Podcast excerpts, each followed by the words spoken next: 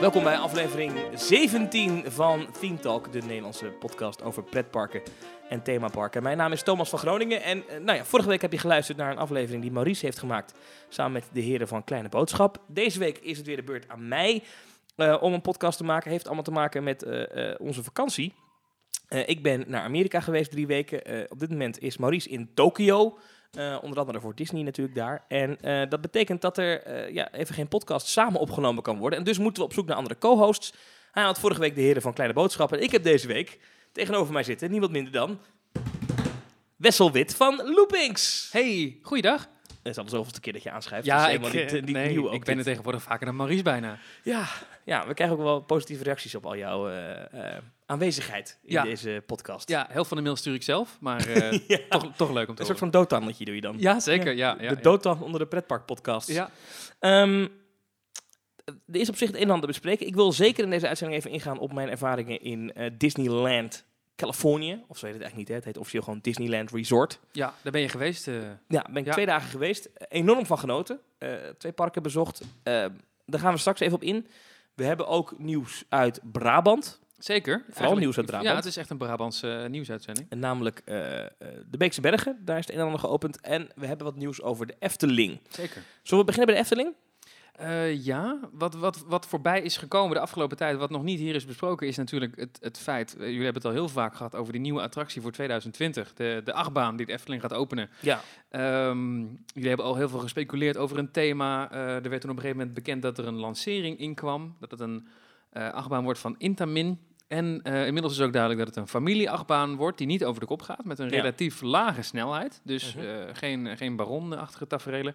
En dan zeker geen Taron, wat we uit Fantasieland natuurlijk eh, kennen, die lanceerachtbaan daar. En afgelopen week, als ik me niet vergis, werd ook bekend dat er niet alleen een lancering komt, maar ook een ouderwetse liftheuvel van enkele tientallen meters hoog. En dat is het tweede element. Dus je wordt eerst afgeschoten en dan volgt een lift. Ja, precies. Het is in- inderdaad eerst de lancering Mhm. en dan een parcoursje en dan weer een lift. Dus dan een beetje net als, eh, even in mijn hoofd, eh, ik ken niet heel veel achtbanen met meerdere liften. Ja, ze zijn er wel hoor, heel veel mijntreinen hebben dat.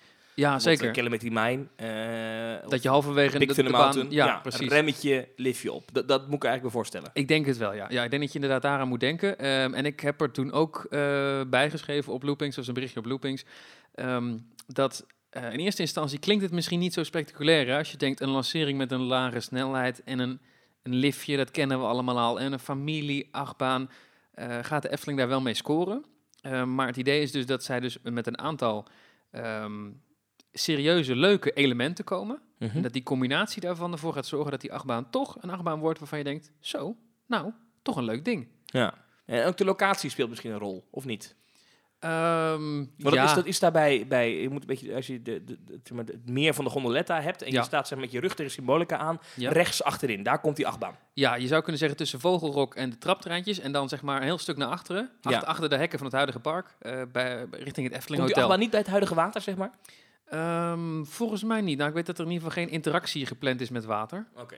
Dus eh, ja. Ja. Maar de combinatie van laat een lancering en eh, ook nog een lift, dat kennen we.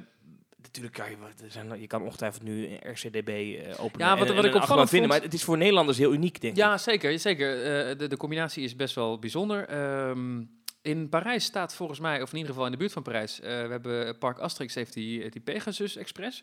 Mhm. Dat is een Gerslauerbaan. Als ik me niet vergis, heeft hij dat ook.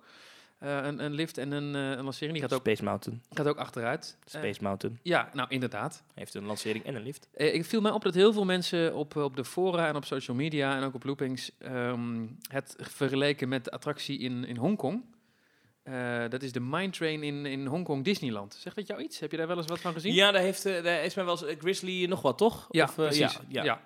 Het, gaat, het idee is daar, want we, hebben het er ooit over gehad, in van wat, wat is het verhaal achter een lancering? Ja, Het idee is daar dat de beren, geloof ik, eh, eh, TNT laten vallen, ja, eh, explosief, en dat je daarom afgeschoten wordt. precies. En Ja. die achtbaan is ehm, nou, iets meer dan een kilometer lang, dus flink lang. Ehm, en, en de lancering daar is maar 60 km per uur.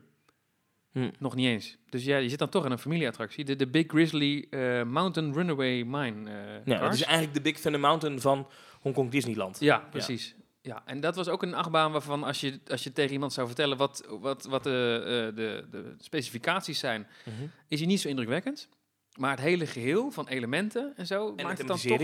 Ja, inderdaad. En maakt het dan toch iets leuks. En ik denk dat de Efteling, nou de Efteling heeft natuurlijk eh, goed opgelet in Hongkong, Disneyland, bij Mystic Manor, de dark Ja. ride daar, want dat is een beetje Zou, symbolica. zouden ze daar ooit geweest zijn? nou ja, je zou misschien denken, goh, hè, dat, dat, dat eh, Fons Jurgens en Olaf Vugs daar met elkaar liepen en zegt, hé, hey, kijk, kijk die achtbaan. Kunnen we niet zoiets doen? Ja. Het zou me niet verbazen. Het viel me op dat heel veel mensen dat met alleen maar eh, de aanwijzingen familieattractie, lift en lancering eh, eh, helemaal naar Hongkong gingen. ja, grappig. Ja, Ja, want Mystic Manor is symbolica en dan zou de Grizzly... ik ben nou de naam weer kwijt. ja die Grizzly achtbaan. Dat ja, zou dan... Grizzly eh, achtbaan, ja. ja. Want dat heeft dan een, een, een berenthema in het, in het westen van de Verenigde Staten. Ja. Eh, weet wel iets van een thema? ja, we weten iets van het thema. We weten iets van een thema. We weten, we weten iets van het thema, ja. Ja. ja. Wil je het daarbij laten? Of? Nou, wanneer wordt het uitgezonden? Dit wordt uitgezonden dinsdagochtend komt dit online. 1 mei is dat, hè? 1 mei, dag van de arbeid. Ja, laten we zeggen dat we deze maand Mhm. nog het thema gaan onthullen op Loopings. Dus in mei. Ja. ja. Tipje van de sluier. Nee.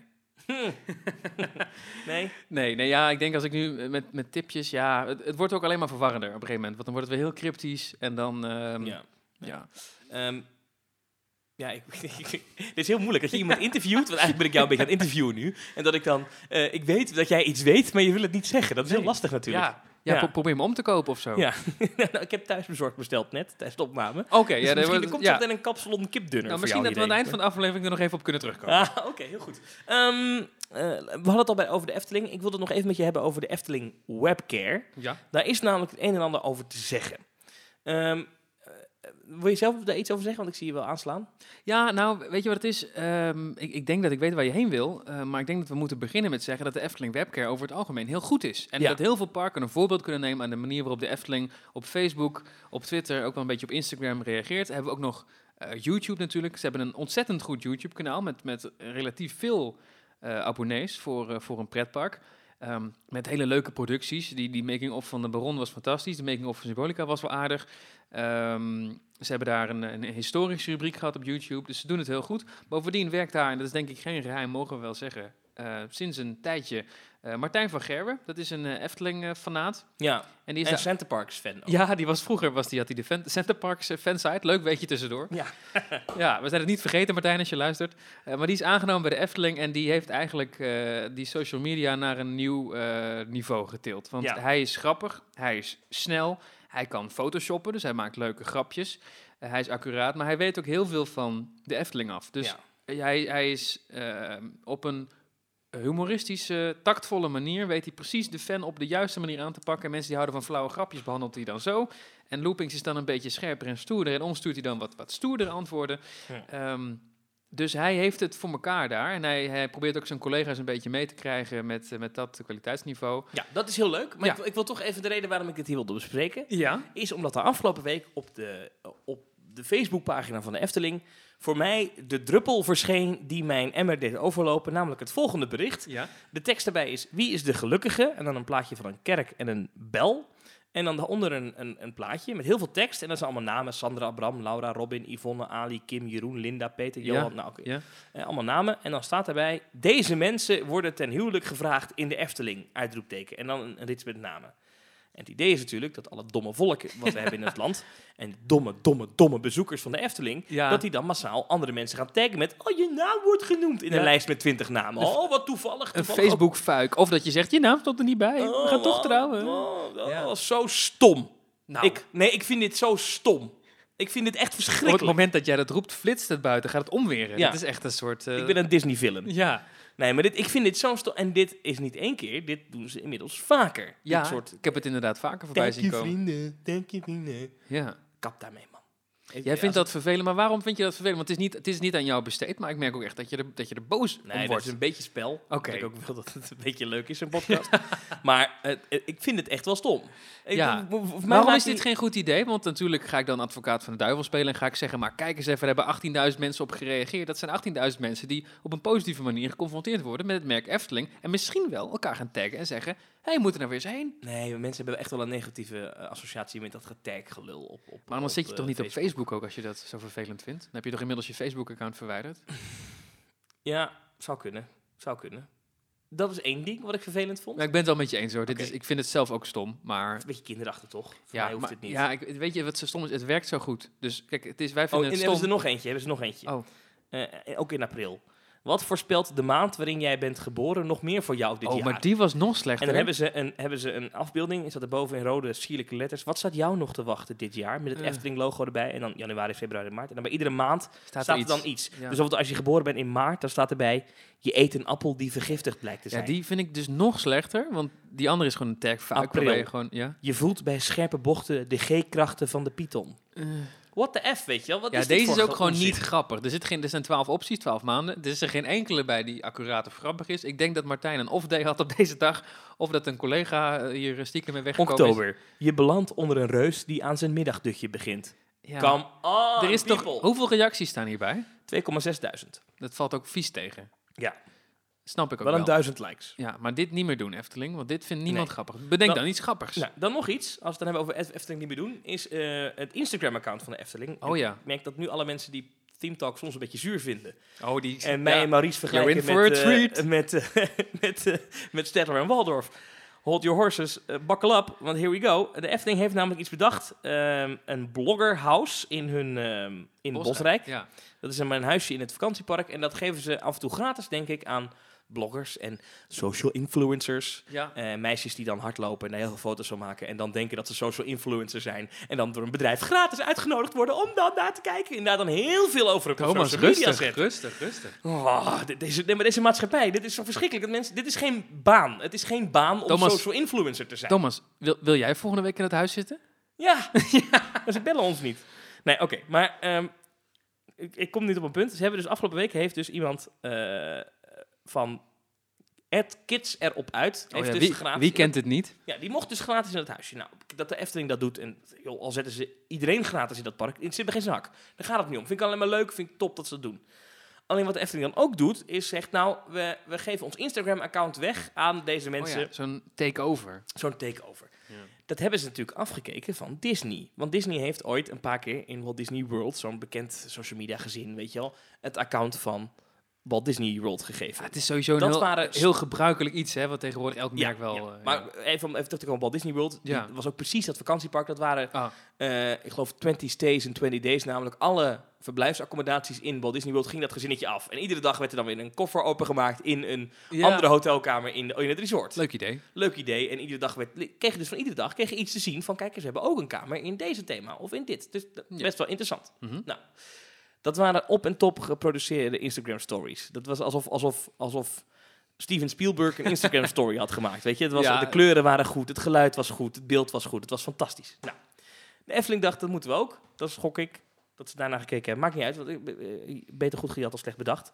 Maar dan krijgt dus zo'n mevrouw van Ed Kids erop uit. Het is dus zo'n mevrouw die de eigen kinderen uitbuit. eh, en op social media dan bijhoudt waar ze al met de kinderen naartoe gaat. En daar waarschijnlijk geld voor wil vangen van allemaal B-uitjes. En dat ze daar dan over schrijft. oh, het is zo leuk in speelpark. Ik durf helemaal niet meer... Oh, ik moet nu een beetje good cop gaan spelen. Ja, nou, nou, rustig, Thomas. Deze mevrouw die krijgt dan geld daarvoor, normaal van uitjes. Nou, van Efteling krijgt ze vermoedelijk geen geld, maar mag ze dan gratis in dat huisje. Dan gaat ze naar over Instagram storyen. Ja? Met allemaal taalfouten, eh, lelijke foto's. Ja. Eh, ze, ze schrijft namen van Efteling-attracties verkeerd. Ook negatieve dingen, als dat er een storing is bij een attractie waar je net een uur voor in de rij hebt gestaan. Dat zet ze gewoon op het Instagram-account van de Efteling. Dan Ja. denk ik, hallo, wat is dit nou? Dit is Ja. het grootste pretpark van de Benelux, hè? Ja. Ja, het is niet de bedoeling.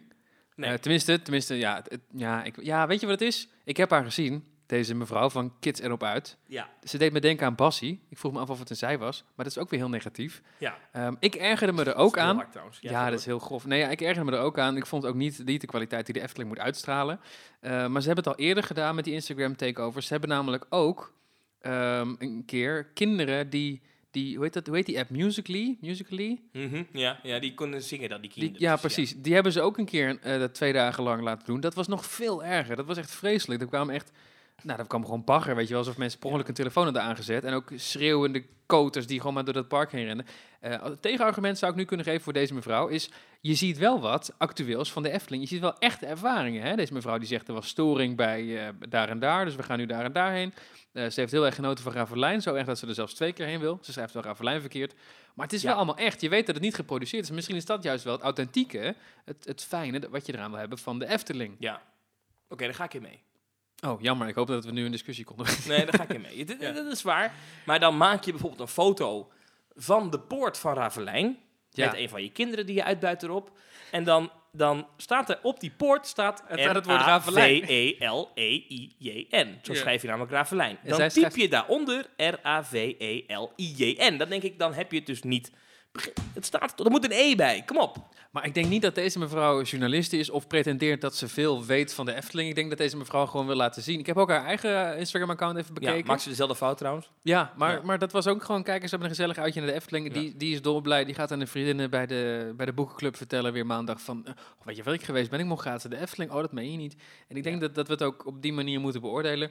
Ik denk wel dat we tegen de Efteling moeten zeggen... Jullie moeten dit niet ja. meer doen. Eh, jullie, want de Efteling heeft zelf een Instagram-account... wat de laatste tijd eh, ook iets heeft eh, overgenomen van Disney. Ja. Namelijk dat ze zelden meer eigen foto's plaatsen. Maar dat ze foto's plaatsen die fans hebben toegestuurd. Dus de Efteling zoekt gewoon op Instagram en op Twitter en Facebook naar fanfoto's van de Efteling. Ja. Degene die mooi zijn, dan krijgt de fotograaf een berichtje met stuur je foto naar ons toe via de mail.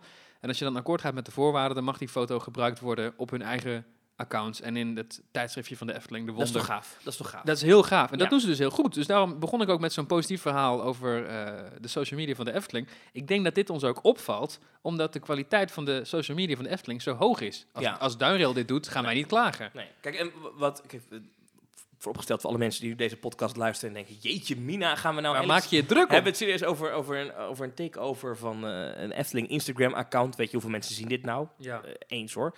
Maar ik vind Efteling is een van de sterkste merken van dit land. En ik denk dan, dat moet je ook beschermen. ja. En ik heb soms dan het gevoel... Met dat soort dingetjes als tag je vriendjes en tag je dit en, en, Ja. en, ehm, Je hebt aan de ene en, kant en de die takeovers dat ik denk... Jongens, jullie moeten wel iets meer daarop zitten of zo. Ik denk dan Ja. wel eens, dit is net even iets te... Dit, dit laat dus net even iets te veel gaan. Waardoor je ook het idee kan krijgen, ja, de Efteling... huh? En ehm, een ander probleem wat ik hiermee heb, en dat is denk ik echt een serieus iets, is, is worden mensen de Efteling niet op een gegeven moment zat? Eh, als je dan gaat kijken, zo'n Instagram story heeft 1, 2, 3, 4... Wacht even hoor. Ik kan het niet eens stellen. 1, 2, je, moet, je moet wel rekening houden dat... 4, 5, 6, 7, 8, 9, 10, 11, 12 filmpjes. Ja, dat is veel. Maar jij volgt de Efteling op Instagram omdat jij de Efteling leuk vindt. En dan vind je het er misschien ook niet erg om, om één keer in de twee weken geconfronteerd te worden met twaalf filmpjes van de Efteling. Terwijl als de Efteling 5 miljoen bezoeken heeft op jaarbasis, dan heeft maar een heel klein percentage überhaupt de Efteling het Nee, volgen. precies. En dat zijn precies de mensen die het niet erg vinden. Maar iedere dag een foto, iedere dag een foto en iedere Ja. dag echt meer dan 10 van die stories. Ik vind dat wat veel. Als je dan gaat kijken en ook nog eens een keer op het moment dat je op, op Facebook zit, kom je ze heel veel tegen. Dan word je er ook nog eens een keer ongevraagd in getagd. Want haha, je gaat binnenkort trouwen, want jouw naam staat erbij. Thomas, ik hoor dat jij binnenkort gaat trouwen in de Efteling. Wat leuk. Ja, dat soort onzin. Eh, ik denk dan, ja... Kijk, ik denk niet dat het te veel is, want ik denk dat dat social media dat tegenwoordig zelf reguleert. Hè? Als jij de Efteling heel leuk vindt en je, en je, je kijkt daarna en je klikt daarop, dan laat het Facebook en Instagram laten dat veel zien. Er zijn ook Facebookpagina's die ik volg waarvan ik bijna niks zie, omdat ik ze ook niet like. Dus Nee, dat gaat automatisch, ja. het reguleert een beetje. En Ja. Maar dan is het ook nog eens een keer, als dan de directeur van de Efteling een scheet laat, dan is het daar op de voorpagina van alle nieuwsites. ja, vandaag nog trouwens, eh ja, ongelukje bij de Piranha. Als we dit opnemen, dan was er vandaag nog iets gebeurd bij de Piranha. Was een vrouw gevallen en dat Mhm. staat dan op telegraaf.nl. Ja, is dat dan niet een beetje overdreven? Ja. Ja. Maar weet je waarom ze dat doen? Omdat heel Nederland denkt, oh, een ongeluk in de Efteling, dan ga ik even Klikken, kijken. klikken, klikken. Ja. Maar ik ben, ik ben dan soms bang dat, dat mensen misschien de Efteling moe worden. Ja. Van, ah, komen ze weer. Er is weer dat gedoe met dat pretpark. En, en toch is dat tot nu toe niet gebeurd. In die 66 jaar dat ze bestaan, Nee. is het al heel vaak heeft dat gevaar op de loer. Nou, ik moet wel zeggen, de communicatieafdeling houdt daar ook wel rekening mee. Die, Oh ja? Die, ja, die hebben ook echt een jaarplanning. En die hebben ook bijvoorbeeld, oké, deze week gaan we dit naar buiten brengen. En dan is er in één keer heel veel aandacht voor iets totaal anders voor de Efteling. En dan is het ook vaak de discussie van, gaan we dit juist nu naar buiten brengen om de aandacht af te leiden van dat andere? Of is het iets positiefs? Als wij komen nu met iets positiefs in het nieuws wat we niet hadden zien aankomen, dan laten we het eigen, de, de eigen aankondiging laten we even staan. Ja. En doen we later. Anders Bovendien, wordt het te much misschien. ja, en die communicatieafdeling is juist heel erg van het beschermen van het merk. Die zijn misschien juist iets te strak met de teugels. Terwijl inderdaad die social media afdeling, ja, die laat het af en toe nog wel wat vieren als we, als we kijken naar, naar die voorbeelden Ja. die ik net noemde. Ja, want ik, ik, ik eh, sprak, ehm, eh, eh, ik was in, in, in Californië afgelopen week. Mooi Oh. bruggetje naar het volgende onderwerp. Leuk. En toen was ik bij Disneyland. Nou, dat is een van de oudste pretparken van eh, Californië. Eh, nou, ook een van de bekendste van de wereld. Ja. En heel lang staan praten met iemand die in het hotel werkte waar ik eh, sliep. En een van de dingen die hij zei, dat vond ik wel interessant. Hij zei, ja, mensen hieromheen hebben niet zoveel last van Disneyland. Maar mensen hieromheen hebben wel eens zijn wel eens moe van Disneyland. Want altijd als mensen zeggen, waar kom je vandaan? Anaheim, ah, Disneyland. Ja. En dan moeten ze het altijd weer over Disneyland hebben. En als het in de krant gaat het altijd wel weer ergens een keer over Disneyland. En die mensen zeiden, ja, het is leuk dat het hier is. En het is prima dat er s'avonds om half tien iedere avond wat knallen te horen zijn. Daar hebben we allemaal niet zo moeite mee.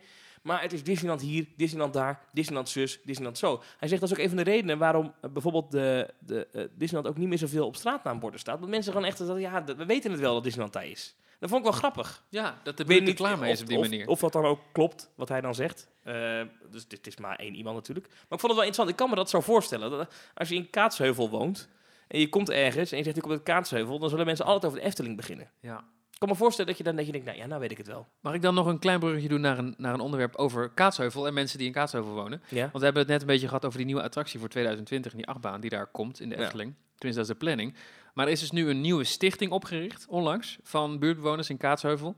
eh, die in de buurt van de Efteling wonen, die dus vrezen voor geluidsoverlast, milieuoverlast, verkeersoverlast, dat soort dingen. Ehm, en die hebben dus, ehm, nou ja, er was een bestemmingsplan gemaakt van de Efteling. Dat heeft heel lang ter inzage gelegen en iedereen kon dan bekijken wat de grote toekomstplannen waren voor de Efteling. En die hebben op het allerlaatste moment, nog echt een, een, week voordat de, de, de inschrijftermijn zeg maar, voor, voor het indienen van een officiële bezwaar Mhm. eindigde, kwamen die er in één keer achter wat daarin stond. Die gingen zich in één keer verdiepen. Dus er was iemand die zei, krijg nou wat er staat dat er een parkeergarage van, eh, van 9 meter hoog mag komen. En krijg nou wat, daar komt iets, daar komt bebouwing en dat komt er. En plannen die al lang bekend waren. Maar in één keer was het, oh shit, dat, dat lezen we nu pas. En die hebben toen besloten om een advocaat in de arm eh, te nemen. Eh, dat kost veel geld, dus dan hebben ze eerst nog een bijeenkomst georganiseerd. Van, hebben we genoeg geld daarvoor? Heeft iedereen ja, gelapt. Volgens mij hebben 80 mensen iets van 150 euro gelapt, als ik me goed herinner. Hmm. En eh, daar is nu een advocaat, die heeft dus met, met 10.000 euro, want dat was het doel... ehm, heeft hij dus nu een officieel bezwaar ingediend tegen de plannen van de Efteling. Het grootste bezwaar was die parkeergarage die er komt. Want waar komt die even voor mijn beeld? Er komt volgens mij helemaal geen parkeergarage. Maar in dat bestemmingsplan staat dat de Efteling mag aan de kant van het huidige parkeerterrein, dus het is aan de kant van het, van het dorp, zeg maar, daar mag bebouwing komen tot een x aantal meter. En er wordt, een van de opties die genoemd wordt is een parkeergarage. Volgens Ja. mij gaat de Efteling dat nooit doen, want het is heel lelijk. En een parkeergarage van 9 meter hoog is. Ja, Hmm. Ja, je kunt het ook niet thematiseren, dat is ook veel te duur. En Nee. het is ook, ze hebben land zat om gewoon parkeerplaatsen plat te maken en te verplaatsen. Ja. En ze hebben daar juist, wat ook in het bestemmingsplan staat, het ontwerpbestemmingsplan, heel erg rekening gehouden met die buurtbewoners die daar in de buurt wonen. Want het zijn lage gebouwen, er mag geen geluidsoverlast zijn. Die achtbaan komt daar dus ook niet te staan, die komt aan de kant van Vogelrok te staan. Hm. Ehm, ze gaan dat Sprookjesbos op een gegeven moment uitbreiden richting de parkeerplaats toe. Daar Hm. kan misschien een keer een indoor kindergebied komen, hè, want dat soort dingen komen daar. Ja. En die buurt die, die is nu in één keer helemaal wild aan het worden. En ik vraag me dan toch af, het is een beetje gokken natuurlijk, maar gaat dat dan nog invloed hebben? Zijn die buren straks tevreden als Juris in één keer roept, nee, er komt toch geen parkeergarage en gaat het dan gewoon door? Of wordt dit echt een groot probleem voor die Is uitbreidingsplannen? dat ook niet een beetje, ik, ik heb daar geen verstand van hoor, maar ik kan me ook voorstellen dat het misschien een beetje wisselgeld is. Dat je zegt, we zetten iets extra's in zo'n plan, iets heel ex- exorbitants, zetten we er gewoon in. En als we dan mensen moeilijk gaan doen, dan kunnen we zeggen, nou weet je wat, omdat, jullie zo klagen, halen we dat eruit. Terwijl dat was je al helemaal niet van plan, maar je zet het er toch in om het misschien een beetje, kan dat? Ik hoop het. Ik hoop het heel erg dat dat is. Ik kan me niet voorstellen dat de Efteling echt een parkeergarage wil bouwen. Zo'n gek idee is dat niet hè? Nee. Want, ehm ehm, eh, haal ik weer even Disneyland erbij, daar eh, stikt het van parkeergarages. Ja, nou, dat is wel zo. Daar hebben ze ook wel echt ruimtegebrek. Ja, ik wou zeggen, en, en natuurlijk heeft eh, Disney Springs het ook in Walt Disney World. En eh, er zijn wel meer parken die het hebben. Universal in Universal, eh, ja. Orlando. Maar Ja. het is allemaal heel lelijk. En de Efteling heeft het niet nodig qua ruimtegebrek. Het is ook duurder dan een normale Maar een parkeerplaats. parkeerplaats is ook lelijk. Ehm, ja, van boven wel. Maar als je daar loopt en je zet er een paar boompjes neer, dan is het al een stuk minder erg dan zo'n betonnen kolos wat daar. eh, En ik weet niet of het op doet. duurder is. Ja, het zal om aan te leggen duurder zijn. Ja, Maar om bijvoorbeeld, eh, ik kan me voorstellen dat iemand meer wil betalen voor het parkeren in een parkeergarage dan op een grasveld. dat je droog staat, bijvoorbeeld. Precies. Het geeft toch, denk ik, voor mij als bestuurder, als automobilist bedoel ik dan, en, ja, vind, vind ik eigenlijk wel prettig. Misschien, als die luxe is, hè. Je hebt ook van die parkeergarages heel krap en benauwd. Maar als de luxe mooi net een nieuwe parkeergarage, nou, dan Ja. wil ik best eh, 15 euro per dag voor betalen. Maar als je, Toch 5 euro meer dan wat ze nu vragen. ik wil trouwens even zeggen dat de Efteling ontzettend weinig parkeergeld vraagt. De Efteling vraagt een tientje. Daarmee, is zijn ze, weinig, ja. daarmee zetten ze op het- hetzelfde niveau als Plopsa Indoor Koevoorde. Ehm ja. de, de Efteling kan, eh, die zijn al, al jaren niet verhoogd, eh, die prijzen. Ik zou zeggen dat dat kan toch best naar 12,50.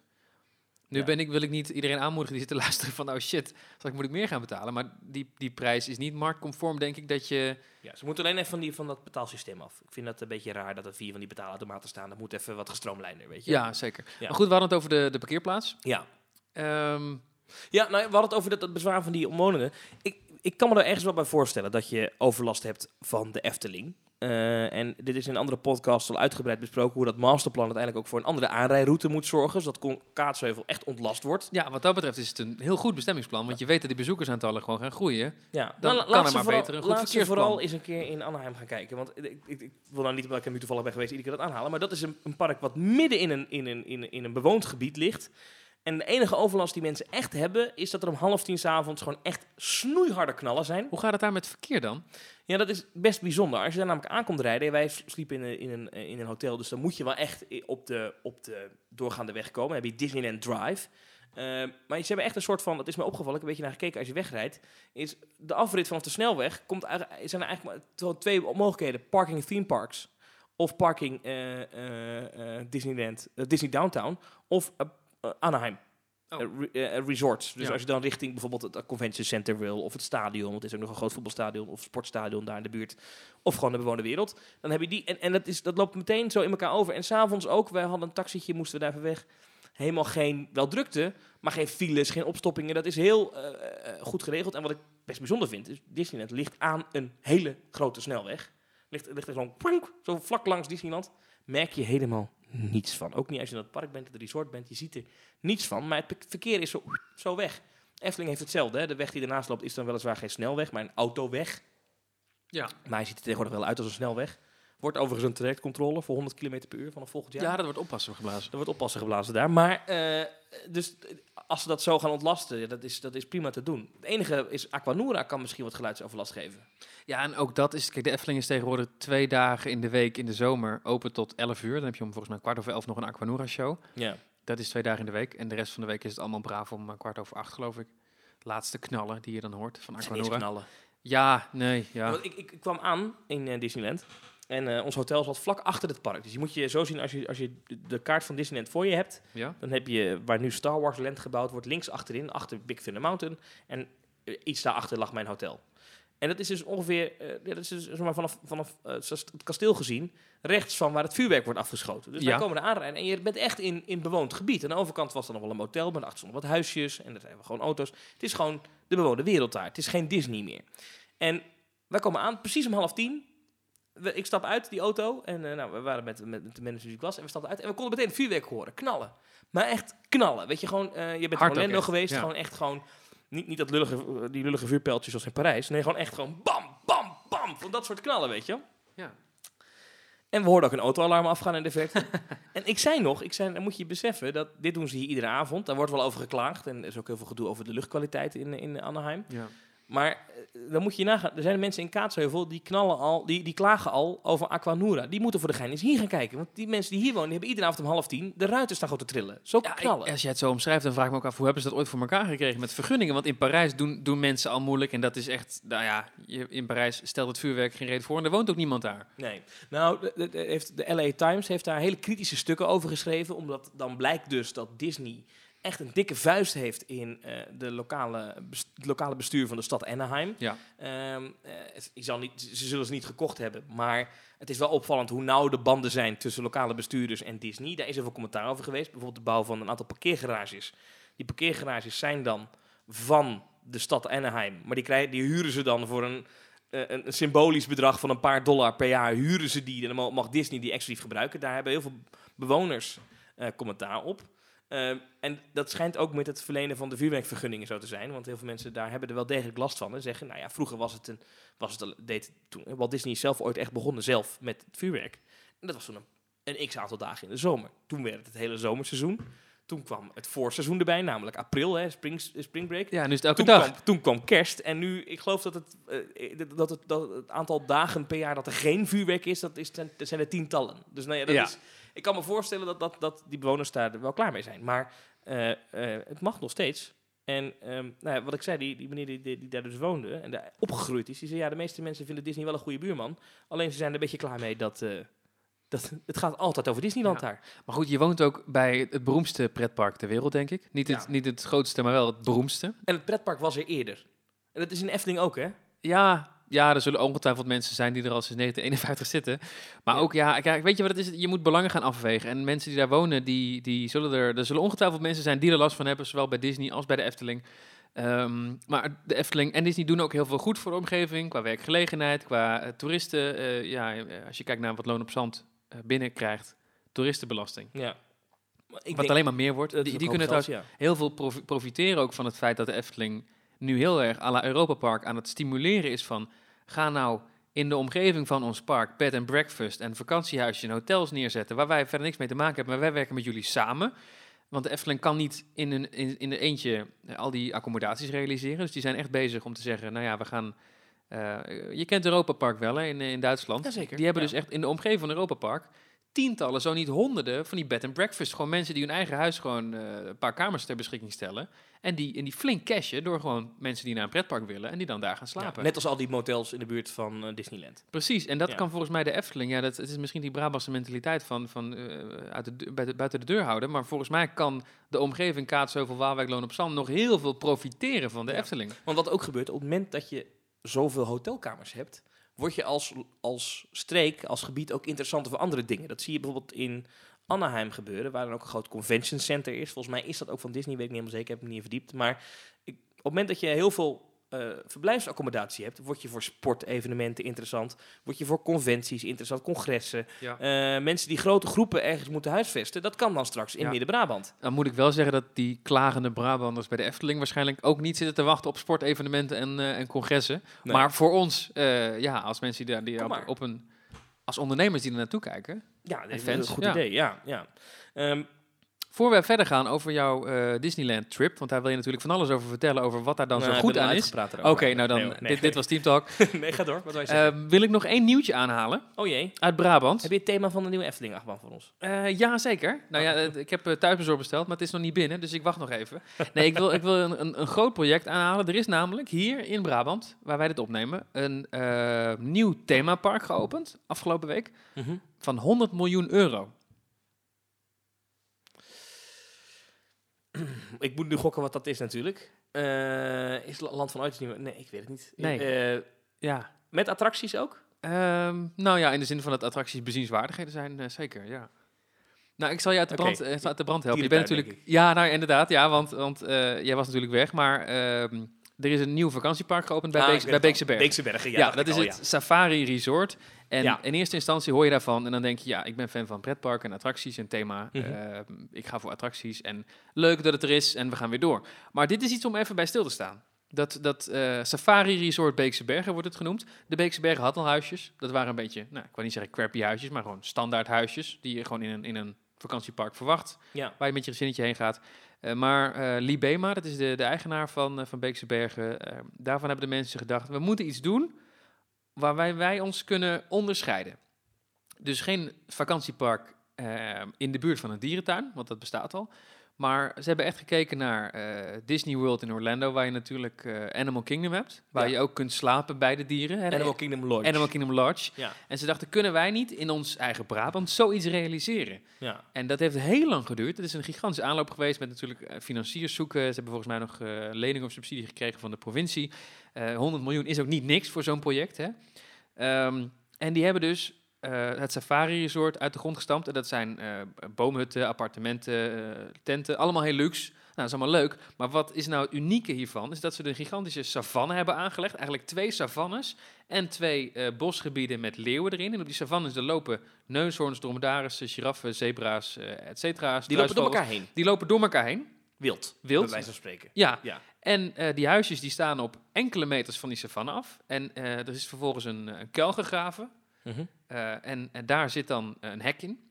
Eh, en dat, dat hek zit dus in die kuil. Dus als je op je terrasje zit te kijken, dan kijk je daar overheen. Ja. En is het echt alsof je gewoon zit te kijken naar die struisvogel en die neushoorn, die gewoon voorbij lopen op vijf meter afstand.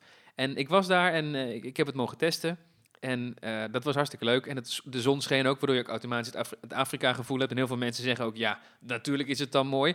Maar het concept van het park, de manier waarop het ontworpen was, was zo geniaal. Dat ik denk, ehm, dat is on-Nederlands goed. Op, een- op, de, op een Orlando-manier zat ik daar te genieten. Dat ik dacht, dit is toch niet hier in Brabant? Dat die dieren op zo'n zo dichtbij waren en dat ik Ja. nergens hekken zag. En is, is- zijn die huisjes ook gethematiseerd? Zeg Ja, maar? die zijn Afrikaans gethematiseerd, maar wel, eh, het is helemaal anno 2018, dus het zijn, het, ze zijn echt van alle gemakken voorzien. Het is een standaard reclametekst natuurlijk. Ehm, Maar gewoon, het is gewoon netjes. Gewoon, het, is, het is heel ja. netjes, maar we hadden dan een huis voor, eh, voor zes personen. We hadden dan meteen twee badkamers en drie slaapkamers en een hele grote woonkamer. En ze hebben dus ook Oh. gedacht, als het slecht weer is, ga je niet op je terrasje zitten. Ehm, dus ze hebben sowieso hebben ze het terrasje hebben ze een gedeelte overkapt. Dus dat is ook chill als je daar eh, lekker kan zitten. Maar als je binnen zit, is de hele muur van glas. Hm, Dus je hele, je- ja, heel Ja. je woonkamer ook heel hoog. Dus als je daar binnen zit, gewoon op de bank, en je doet je gordijnen open, dan zie je alsnog hetzelfde panorama over die hele savanne heen. Met die neushoorns en die giraffen. Eh, dit klinkt natuurlijk als een één grote reclamespot. Dat is het natuurlijk ook wel een beetje, want ik was heel enthousiast. Ehm, maar ik, ik vind dat we er hier echt even bij stil moeten staan. Nou, bij deze Hoe goed dus. dit is. Hoe goed dit is en hoe goed ze dit aangepakt hebben. En dit is echt themapark kwaliteit. En Ja. ik denk dat, ik, heb, ik ben natuurlijk ook... Ik heb jouw foto's gezien. Ja. Het, het, het, effect met die kuil waar het hek in zit, is natuurlijk een beetje het effect wat inderdaad Disney heeft toegepast in ook de, eh heet het Kilimanjaro Safari? Ja. Eh, in, in Animal Kingdom, waarbij je inderdaad het hek niet ziet. Dat is natuurlijk, dat is natuurlijk een illusie. Ja. Maar als je dan inderdaad, ik kan me voorstellen, als je daar dan zit en je hebt gewoon op een paar meter afstand giraffen en neushoorns en wat noemen die nog meer? Eh, Ja, dromedarissen en eh, leeuwen verderop. ja, dat is uniek. Dat kan je in Nederland nergens beleven. Je kan in Nederland wel naar een hoop dierentuinen, je kan naar Wildlands, waar je iedere keer hetzelfde rondje kan lopen. Ja. Maar echt in een huisje zitten, dat is wel een uniek idee. En als het ook nog netjes uitziet en inderdaad, je moet het nog maar een keer zien met grijs weer. Ja, we hebben het ook... dat is eh, wel een verschil d- natuurlijk. Er was, er was wel een tijdje hoor, er was wel, eh, eh, heeft het, even- was het even bewolkt. Maar dan Mhm. nog heeft het wel die sfeer, omdat ze dus ook qua vegetatie en qua... Het is niet alleen maar die savanne, maar het hele park eromheen Ja. is gewoon Afrika. En het- ze hebben het ook pas opengegooid op het moment dat die, dat die planten volgroeid waren. Ze hebben echt de tijd genomen om die Ah, dieren ja. te laten wennen aan die savanne. Die waren er al een paar maanden. Ehm, ze hebben En hoor je ze s'nachts ook dan? Eh, ja, ja, ja, ja. En we zijn ook wakker geworden. Dan kwam er ineens, eh, dan liep ik daar in mijn kamerjas, kwam er ineens een struisvogel zo eh, kwerkend voorbij. Ja, dat was, zo. ja dat, was, dat was prachtig. Maar ik is, wel een hapje van. Ja. ja. ja, die kon je vervolgens ook in het restaurant weer bestellen. En je, hebt, je hebt een bowlingbaan, je hebt een, wat, wat speelgebieden voor kinderen en zo. Ja. Dat is allemaal leuk gedaan, dat is gewoon prima. Maar die ervaring met die dieren, dat was voor mij de trigger dat ik dacht, dit moeten mensen meemaken. Maar het, het ligt dus niet tegen het safaripark aan. Ja, jawel. Ja, je moet zien dat ze dus aan het safaripark vastgeplakt... Daar, daar was al een savanne. Dat was de savanne van de autosafari. Ja, je de Beekse Bergen ja. met de auto door het park heen rijden, onder andere. Ehm, die is vergroot. En ehm, een van de savannes in, het, in dat nieuwe vakantiepark is dus die. Waar meer dieren op staan. En ze hebben een hele nieuw aangelegd, ook met neushoorns. Die ligt daar dan weer tegen. En dan heb je daar verderop twee gebieden met leeuwen. Daar zie je wel, ik moet wel, nou, we toch even een kritische noot. Als je dus vanaf je huisje naar de leeuwenvlakte kijkt, zie je een groot zwart stalen hek aan de achterkant. Want ja, dat zijn nou eenmaal geen dieren die een greppel en een hekje nodig hebben. Die hebben echt wel forse veiligheidsmaatregelen nodig. Dus daar Ja. ligt eerst een groot meer voor met een eh, stalen omheining. En dan, eh, Dus je dan kan nog, beter die savanne hebben met die giraffen, begrijp ik. eh, ja, als je het echt authentieke Afrikaanse gevoel wil hebben, wel. Ik moet er wel bij zeggen dat die leeuwen, Ja. ja, die doen natuurlijk wel spectaculaire dingen. Want die liggen, soms liggen ze twee uur gewoon op hun, op hun luie gat. Maar soms gaan ze gewoon met elkaar vechten. Dus wij liepen daar langs, langs die leeuwen. En dan zie je dus gewoon op een paar meter afstand leeuwen met elkaar vechten en stoeien. Ja, dat, Want- is, dat is wel spektakel. Jij liep daar langs, want eh, eh, de achterkanten van die huisjes die, die grenzen aan die, die verblijven. Ja, er kunnen ook mensen komen. Er ligt ook nog een pad of zo. Of ja er ligt- er ligt een pad. Ja, het was nu nog niet helemaal begroeid. Ze hebben, er zijn er wel gras het aanplant om ervoor te zorgen dat het niet helemaal modderpoel wordt als het een keer eh, regent. Mhm. Uh, maar er zijn verder geen hekken tussen de huizen of zo. Dus je kunt gewoon, als je daar rondloopt, dan kun je overal komen waar je wil. ja. Ook bezoekers? Eh, nou, het ding is dus wel, je hebt, je hebt een speciale ingang voor eh, verblijfsgasten bij het, in het safaripark. Mhm. Eh, dus, dus aan de kant van de Leeuwen, ik weet niet of mensen wel eens in Beekse Bergen geweest zijn, maar bij de Leeuwen is een nieuwe doorgang gecreëerd waarbij je erin kan lopen. Mhm. Wij moesten wel, toen we met de auto aankwamen, werden we echt gecheckt of we echt gasten waren. Er stond iemand met een, bij de slagboom die zei, je mag er wel of niet door. Ehm, ik weet niet of dat straks ook zo is, als het park dus echt open is voor, voor reguliere gasten. Ik kan me voorstellen dat je dus op dit park alleen maar echt verblijfsgasten wil. Mhm. Omdat het, ja, je kunt op sommige plekken zelfs dichter bij de dieren komen dan in het safaripark. Ja. Anders gaat straks iedereen ja, en je wil Oh. ook niet hebben als je daar een huisje hebt. Dat je Eh, pottenkijkers krijgt. Dat jij zit lekker met je, je gezinnetje op de veranda en dat er gewoon daarvoor honderden mensen staan. Weet je? Nee, dat wil je ook precies. Dus ik denk dat ze dat wel strikt gaan controleren. Wat is dat zo? Want was het park vol toen jij er sliep of dat niet? Eh, ik denk dat het voor drie kwart vol zat. Had Ja. je, eh, als je dan op je verandaatje zit, is het dan druk om je heen? Lopen er dan overal mensen? Of? Nee, nee, want nee, ehm, we konden ook gaan ontbijten in een restaurant. En we konden ontbijt, eh, konden we zelf kiezen of dat naar ons toe kwam. En dan merk je dat er dus best wel veel verloop is in zo'n vakantiepark. Dat mensen dus Of ze gaan naar het safaripark. Maar je hebt ook nog Speeland, Beekse Bergen. eh kinderpretpark ligt er verderop. Dus, dus mensen zijn vaak weg. Dus als je daar op je terrasje zit smiddags... De meeste mensen zijn smiddags weg. En sommige mensen zijn dan s'avonds weer weg. Want die gaan dan bowlen of die gaan dan pizza eten. Of, hè, dus, Ja. dus, dus ik, kreeg niet het gevoel dat het echt druk was. Want eh, ik kan me het eigenlijk niet voorstellen. Als je vakantie boekt naar de Beekse Berg, hoe lang ga je dan? Een paar dagen? ja, ik denk dat, dus Want dat het een, Na één dag je de dieren toch wel gezien? De dierentuin is, is, nou, we hebben daar twee dagen rondgelopen en dan twee halve middagen steeds. Dus dan uitslapen, s s'avonds nog een keer gebold en dan, het is, het is, je zit daar heel lekker bij die dieren, hè, dus het is ook prima om daar tussen Ja. tot, een uur of twee in je huisje te blijven en dan de dierentuin eens in te lopen. En als je kinderen hebt, dan moet je dat speelland ook erbij pakken. Is er een Maar- pendelbusje naar de Efteling? Eh, nee, wel naar het park zelf. Je kunt dus lopen naar het park, je kunt ook een busje pakken, een treintje. Hmm. Maar mijn punt is wel inderdaad, dat als je daar slaapt, dat je daar best eventjes twee nachten aan vast kan plakken, omdat het vlak bij de Efteling ligt. Eh, volgens mij is het een kwartiertje rijden of zo. Nou, zo- iets meer. 20 Tilburg Centrum minuten? is een kwartier, dus laten we zeggen 25, 20 minuutjes. Ja, ja. in ieder geval goed te doen voor Ja. mensen uit het buitenland met een huurauto. ja. Ehm, ik kan me heel goed voorstellen dat je daar slaapt, dat je dan met je kinderen aan het genieten bent van de dieren en dat je zegt, we pakken er ook nog één of twee dagen Efteling bij. ja. Want ehm, ja, we klinken heel positief. Maar dat is ook omdat ik denk, ik heb ook in Bosrijk geslapen, in een Loonse Land, in de Efteling en in het Efteling Hotel. Ehm, Beekse Bergen is wat dat betreft het nieuwe Safari Resort beter. Dat is van een hoger niveau. Eh, ook zonder dieren, denk ik. Dat is wel. Nou, Bosrijk is natuurlijk een goede concurrent. Het is 19 minuten rijden, zegt Google Maps. Nou, dat is niks. Dat is echt, je zou zeggen, leg daar een pendelbus aan. Ja, ehm, ik hoop ook wel dat daar nog wat samenwerking komt. Hè. De Efteling en Beekse Bergen hebben allebei hun mond vol van... eh, dit moet een toeristenhub worden. Hè. Die, er wordt nog net niet gesproken over het Orlando van Brabant. Ja. Maar dit zou natuurlijk... moet er nog even een eh, Universal bij, hè? Ja, nog even een filmpark ergens. Ja. Maar eh 20 minuten afstand is niks. Dat is de afstand tussen Walt Disney World en Universal in Orlando. Dus ja, dit zou voor de toekomst toch best wel eens een, een veelbetekenende investering kunnen worden. Waardoor Beekse Bergen zich echt... En, en ook dat Safari Park zelf, dat is niet eh, helemaal eh, eh, overal van deze tijd. Maar daar zijn ze dus de afgelopen jaren ook flink aan het vernieuwen. Ja, wat we zien natuurlijk bij, bij SeaWorld, maar in Nederland klein ook bij Wildlands, is dat ze echte attracties gaan bouwen in dat soort dierentuinen. Is dat iets voor Beekse Bergen misschien? Misschien een boottocht langs de dieren, om, om mee te beginnen? Ja, nou ze hebben wel al de boot Safari, dus die Oh, hebben ze al wel. staat gewoon al. Ja, en het leuke is ook dat ze, Ja. dat ze de, daar zitten tegenwoordig ook zeeleeuwen. Dus dan ben je op een gigantisch meer bij aan het varen. Dat is het grootste eh, waterverblijf volgens mij van Europa. In ieder geval, eh, Mhm. die, die zeeleeuwen hebben, de- dan kun je niet beseffen hoeveel ruimte die hebben. Die kunnen echt gewoon het park drie keer rond. Ja, dus nou, maar, maar ehm, daar ging, dat bedoelde ik niet. Ik bedoelde meer van eh, Attracties. Een, een achtbaan. Ja, nee, ik denk niet. Nee, dus, ja, weet je, ik denk dat het alleen maar kan als het authentiek Afrikaanse eh, experiences Black zijn. Mamba. Ja, dan zie je toch een stuk rail en je zit dan met geluidsoverlast. Ik moet wel zeggen, bij Beeksbergen klopt het plaatje nu zoals het is. Hm. Dus ik zou alleen maar dingen toevoegen waar- waarbij je ook niet gek zou opkijken als je die in Afrika zou tegenkomen. Dus een bootrit zou kunnen, bijvoorbeeld. Ja. Dark Ride wordt al lastig, want dan moet je dat gebouw gaan wegwerken. En dan moet ook niet vergeten dat Libema is natuurlijk ook is wel een grote speler, want die hebben veel parken. Die hebben veel dierenparken in Nederland. Ehm, en recreatiedingen. Maar dat is niet een speler die in één keer 18 miljoen voor een achtbaan gaat Ja, investeren. we- ja, maar goed, als dat enorme groei voor zo'n vakantiepark kan. Wie eh, weet, wie weet. Ja. Ja. Dus een soort van jungle cruise heb je daar ook. hey, ik voel een bruggetje aankomen. Ja, weet je waar ze ook een jungle cruise hebben? Nou, vertel. Volgens mij in eh, Walt Disney World. Ja, Volgens mij heeft Disneyland Hong Kong een jungle cruise. weet niet, ik weet wel Tokio. Tokyo, jungle cruise en eh, Disneyland Resort in Californië heeft ook een... eh, Wat zou het fijn zijn als een van ons Cruise. daar onlangs geweest was? ja, en daar heel veel over wil vertellen. Ja, nou, ga, ga je gang, Thomas. Want oké, nou, ik zal het dan eventjes eh, officieel nog een keer doen. Jij bent, hoe lang ben je er geweest in, in Amerika überhaupt? Ik ben iets van drie weken in Amerika geweest. En minder, daarvan, geloof ik. ja, en daarvan heb ben jij twee volle dagen heb jij doorgebracht in het Disneyland Resort Ja. in Anaheim. ja. Ik heb niet in het resort geslapen, maar in een, in een motelletje vlak daarachter. Mhm. Is goed te doen.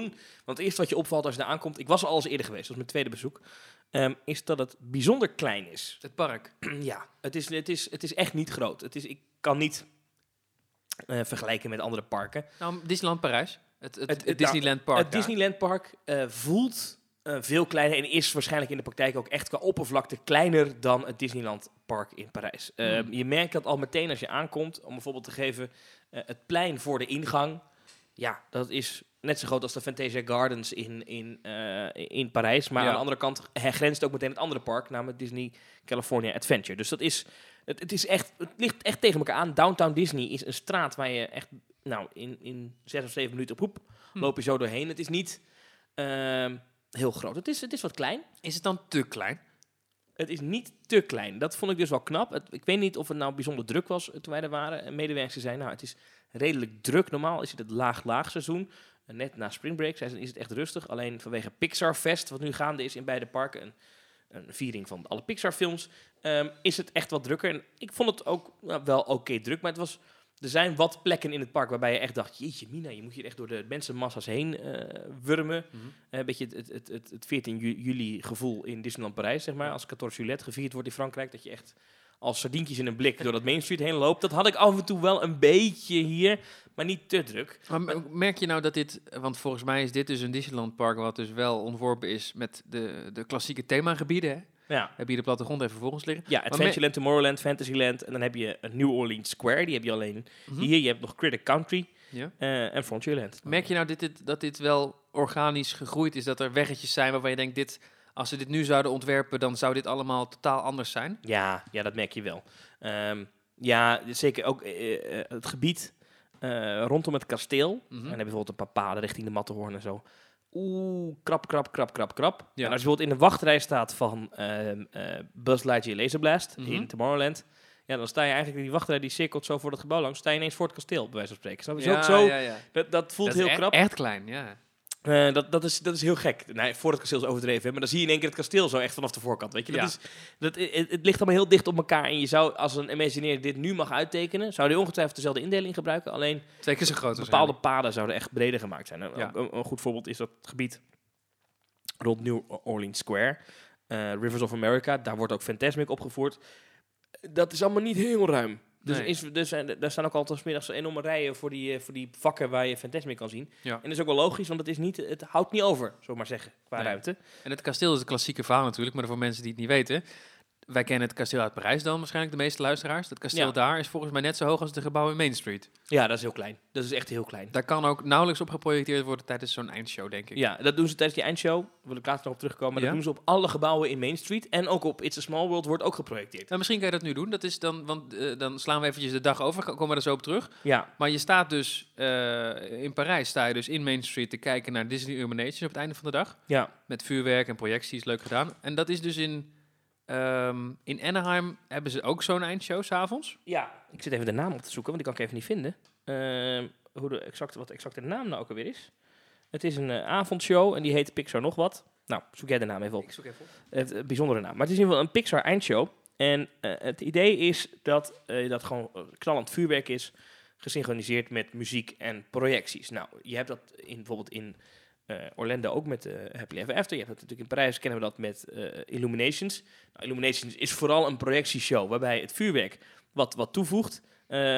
In in Californië hebben ze een knallende vuurwerkshow, echt à la Wishes, maar echt gewoon echt veel vuurwerk. Mhm. In combinatie met muziek en eh, projecties. Het heet trouwens, ik heb het even opgezocht, Together Forever, a Pixar Nighttime Spectacular. Typische Disney-naam natuurlijk. Ja, ik wou zeggen. En het is echt een viering van alle Pixar-films. Ik zag daar van tevoren, dacht ik, dacht ik eh, dat, dat is lastig. Want Pixar, Pixar Fest, ik, ik kon ook niet... Ik, ik heb- Ja, veel mensen zien het toch nog een beetje als een, als een, als een lelijke eend in de bijt qua Disney. Hè? Dat ze zeggen, het, is Ja. niet, het hoort niet net zoals mensen nu Marvel en Star Wars. Dat ze zeggen, ja, dat hoort toch net niet helemaal bij Disney. ja, dat- gevoel had ik ook een beetje. Toy Story is een van mijn favoriete films, maar toch Mhm. dacht ik, hmm, weet je, is dat, is dat wel iets? Een eindshow met alleen maar Pixar-figuren. ja. Fantastisch. Ja? Ik vond echt, nee, serieus. Ik vind het een van de beste eindshows die Disney ooit gemaakt heeft. Het is zo ongelooflijk goed. De combinatie van de muziek van Toy Story met eh, het spektakel van Incredibles, met eh, toch ook wel de emotie van Up. Mhm. Ja, ja. Cars zit er Eh, volgens mij nog in. Cars zit er nog in. Eh, er zit een stukje eh, Monsters Inc. in. Ehm, Coco. Ja, Fantastisch. Als dat jochie dan gaat zingen, dan komen er poppen boven Main Street, komen op, op de daken naar boven. En tijdens het up-stukje vliegt er een huis aan ballonnen over de kabels boven eh, eh, eh, het kasteel. Moet je je voorzien, ehm, ehm, toen Disney ooit begon met het vuurwerk, had hij al bedacht, heel vroeg, eh, hij leefde nog in die tijd, hebben ze kabels gespannen vanuit de Matterhorn eh, over het kasteel heen. En in het begin was er een actrice die Tinkerbell speelde, die vloog Mhm. iedere avond daar overheen, wat je ook in Anaheim hebt. In Orlando, ja, in Orlando, sorry. Die kabels hangen er nog steeds. Mhm. En nu vliegt daar eh, tijdens het Buzz Lightyear gedeelte van de show... vliegt Buzz over het publiek heen, een keertje heen, een keertje terug. Bij het Up gedeelte vliegt het Up huis, weet je, aan de blonnen eroverheen. Ehm en zo maken ze iedere keer gebruik van die Slim. van, ja. van die kabels. En dat voegt ook echt iets toe. Dat, en het is ook echt hoog. En het is echt...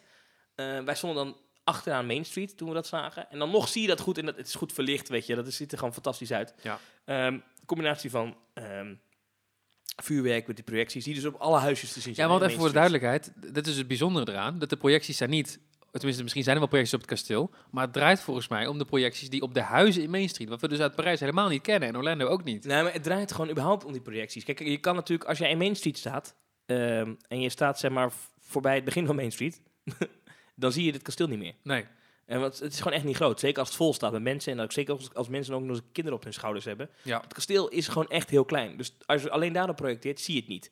Bovendien is dat plein, dat heet volgens mij hier ook gewoon Central Plaza.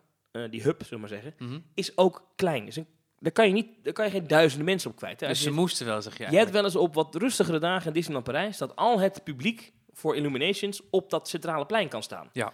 Nou, dat gaat ze hier niet lukken. Dat past gewoon echt niet. Dus eh, hebben ze overal in Main Street op alle huisjes geprojecteerd. Main Street zelf is ook, ook krap, dus zelfs dat is niet genoeg. Het is een van de best bezochte parken ter wereld. Dus ehm, hebben ze ook op It's a Small World geprojecteerd. Dat wist ik trouwens niet, maar wij liepen daar. En eh, we vroegen aan de medewerker, mogen we hier staan? Nee, dat was op Central Plaza. En de vakken zijn ook vol. Toen zei ik, ja oké, wij willen wel graag de show zien en de projecties zien. Waar moeten we naartoe? Toen zeiden joh, ga naar It's a Small World, daar is het nog best wel rustig. Daar kan je staan en zie ook alles. En geen woord gelogen, want het vuurwerk wordt natuurlijk vanaf de achterkant van het park eh, geschoten. Dat Nou, zie je daar ook, ja. zie je daar ook, It's a Small World, de projecties erop. De hele show, dus die is ook gemaakt, dus exact dezelfde beelden, die is ook gemaakt voor de gevel van It's a Small World. Ja, die video, dat moet een klus geweest zijn, want die videomapping, hè, dus eh, je, hebt, je maakt een film voor een kasteel. En dan nou, is Bus op dat moment even in de punt van het kasteel, weet je, en dat Mhm. past bij het gebouw. Ja. Dat hebben ze dus ook gedaan voor de vorm van It's a Small World, maar ook gedaan voor de vorm van de alle huisjes in Main Street. Nou heb ik wel even gekeken, dat is niet altijd even perfect gedaan, Mhm. maar je kan bijvoorbeeld de figuren zitten altijd op een vlak stuk. Ja. Ehm, en dat klopt gewoon, dat past gewoon. Daar is, daar is niet mee getrukt of wat dan ook. Dus Maar als ik dan de, de link met Parijs mag maken, denk jij dat dit een, een goede optie zou zijn voor Parijs? Als Parijs zegt, wij gaan voor, ons volgende, voor onze volgende show, gaan wij ook projecteren op Main Street gebouwen? weet ik niet. Nee? Weet ik niet. Omdat in Parijs het ook wel iets toevoegt dat het, dat kasteel is zo immens in Parijs. Ja. En je kan dat vanaf Main Street zo goed zien. Ja. Weet ik niet of het nodig is. Weet ik niet. Nee. Maar misschien leidt dat te veel af.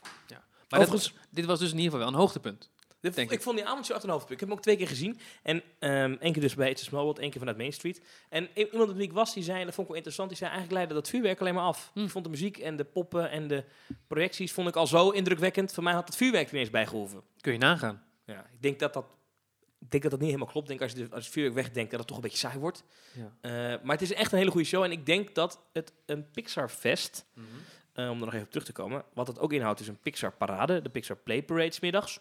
Prima, hartstikke leuk. Al je Pixar-vriendjes die samen door... de Speciale nieuwe paradewagens geloof ja, speciale nieuwe paradewagens zitten een paar klassiekers in die volgens mij ook in andere parades zitten. Bijvoorbeeld de, de Crush eh, Float, die hebben we wel eerder gezien volgens mij. Maar eh, wat komt er voorbij? Ziet er gaaf uit, is echt een feestje. Ik ben zelf geen parademens, maar ik vond het best leuk. Ehm, heel veel versiering, hè, dat, die, die rood, eh, geel, blauw, weet je, van de bal van Pixar, die, eh, die uit Toy Story kent. Nou, dat is dan op alle geveltjes in Main Street, weet je, hangt die vlag. Ja. En ehm, veel Pixar-figuren. Ik denk dat dat een seizoen is dat best ook in Parijs aan kan slaan. Ik denk dat, zeker nog, ik denk dat heel veel mensen daarop af zouden komen. Zou het dan bij ons ook in de studio's kunnen? Want tegenwoordig doet Disneyland bijna in Parijs bijna elk festival-evenement in de studio's, omdat dat park zo achterloopt. En ja, nu is Princess and Pirates Festival volgens mij de uitzondering, maar verder zijn bijna elf festivals zijn in onze ongezellige asfaltstudio's. Kun je daar dit ook doen? Nee, doe mij een eh, Pixar Together Forever eh, show in, eh, dus, op de Tower of Terror. Ja, precies. Nou, lijkt me En hilarisch. hang heel die studio vol met, met gouden ballen. Overigens, met gouden ballen, met die gekleurde ballen. Ja. Je hebt een Toy Story Playland, je hebt Ratatouille. Overigens, Ratatouille zat niet in die show, vond ik opvallend. Hm. Is ook Pixar, toch? ja, zeker. Ehm, eh, eh, je hebt Toy Story daar al, wat heb je daar nog meer eigenlijk in? Crush, Ja, Crush qua- ja, Coaster. Crush, ja. Dus laat maar komen. La, laat maar komen, zouden ze zeggen. Laat maar komen. Maar dat, dat, dat, dat was een hoogtepunt. Ja. Verder wil je natuurlijk alles weten over het park. Hè? Genoeg gedoe, gelul over show- shows. Zeker, ja. Wij zijn nou, ja. eigenlijk helemaal geen showmens, toch? Wij zijn meer van de attracties. nou, in Disney zijn er soms shows dat je denkt, nou, hier ben ik dan wel eventjes tijdelijk een showmens voor.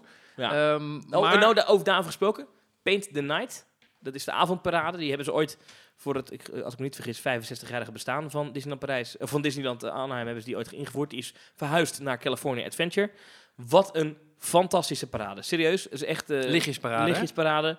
Ehm, ik Hadden dacht, ooit in Parijs ook zoiets, maar dit is dus weer echt next level. Ja, Ik heb er video's van gezien met eh, special effects en ja, heel gaaf. ja, Ja. Had ik niet verwacht eigenlijk. Ik dacht, parades, ik hou er niet zo van. nee. Ook hele catchy soundtrack, maar dat is bij elke, elke parade Ja, natuurlijk. en hij begint, wat ik wel gaaf vind, met zoon robotstem. Oh ja. Disney Presents, want dat heeft de Main Street Electrical Parade die- had het ook ja, ooit. Ja, ja, ja. Dus vind ik dat toch gaan, want toch zo'n eer, eerbetoon naar de ja. Ik wil even kort zeggen, Orlando. Orlando heeft al anderhalf jaar geen lichtjesparade. Schandalig, dat moet nu terugkomen. Ja, ik zie het op Twitter ook vaak, hè, bij mensen die dat dan... eh, ja, waar blijft de lichtjesparade? Heb je dat nodig? Als, Disneyland Parijs heeft het al twaalf jaar niet meer of zo. Wat is het? Nou, nee, ze hebben het tijdens Disney Dreams toen nog een tijdje gehad. Maar het probleem van Disneyland Parijs is op een gegeven moment...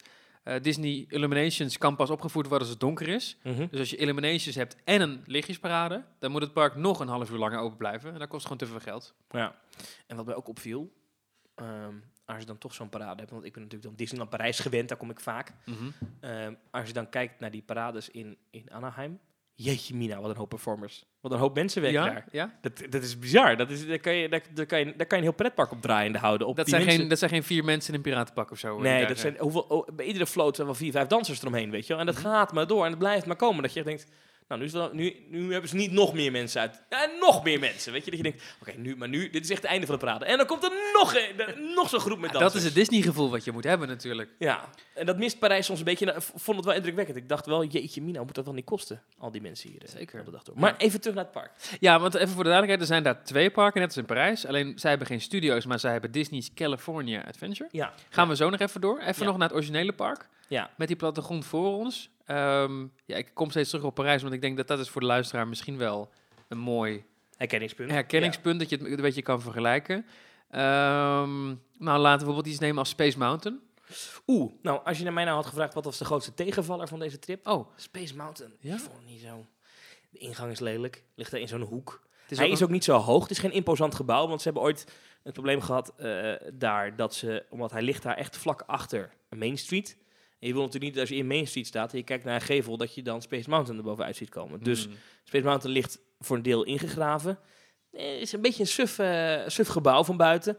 Eh, echt een lelijke wachtrij, gewoon. Ik, had nog- ik had er een fastpass voor. Daar kom ik zo op terug. Want we hadden namelijk zo'n eh, systeem dat je fastpasses via de telefoon kon reserveren. Mhm. Maar ehm, dan, ja, de, de achtbaan zelf is qua intensiteit vergelijkbaar met die in Orlando.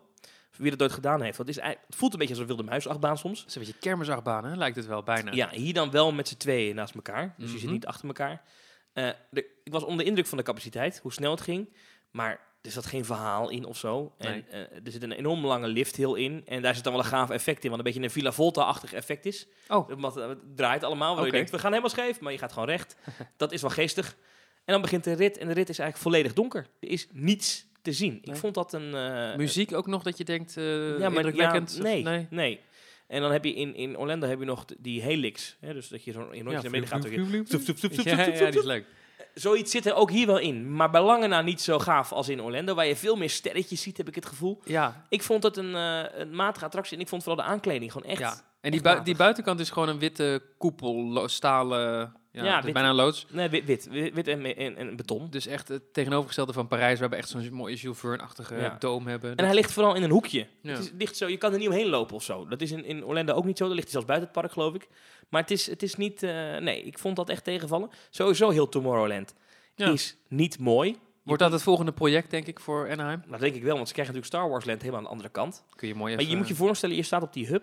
Die is al heel krap, hè? Dus je staat voor dat kasteel, voor dat partner statue. Dat statue, dat, dat, dat beeld van eh, Walt Disney en Ja. Mickey Mouse. Dat is bijna hoger dan het kasteel zelf.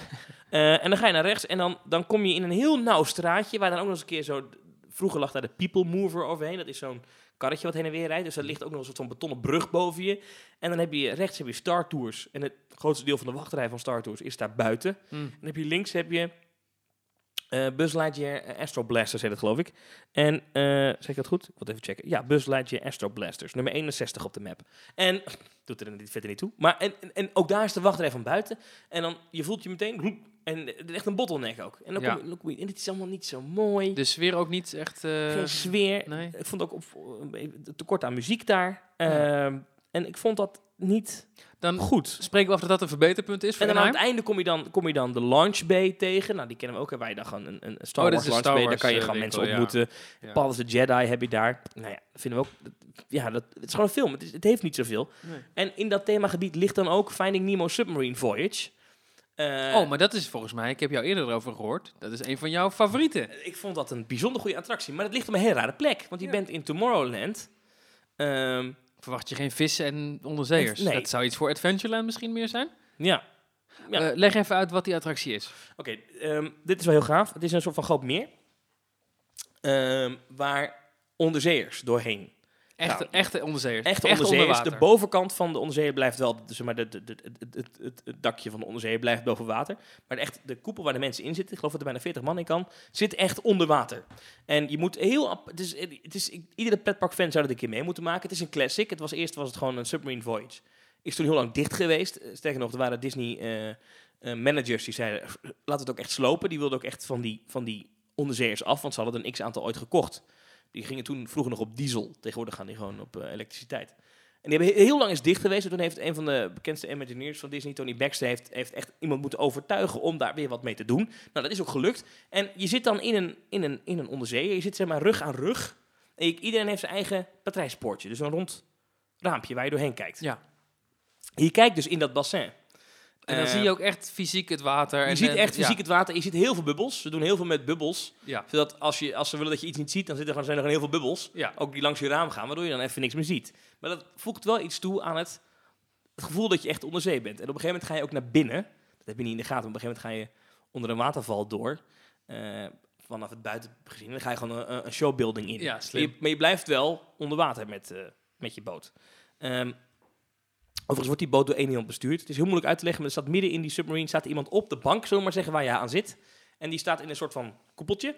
En die bestuurt de onderzeeër. Doet mij een beetje denken qua systeem aan eh, de Jungle Cruise. Alles zit op hetzelfde rail, je wordt wel bestuurd en er zit één iemand bij, heel veel zitplaatsen.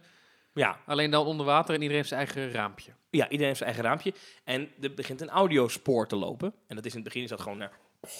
Uh, Captain, Captain Lockbook.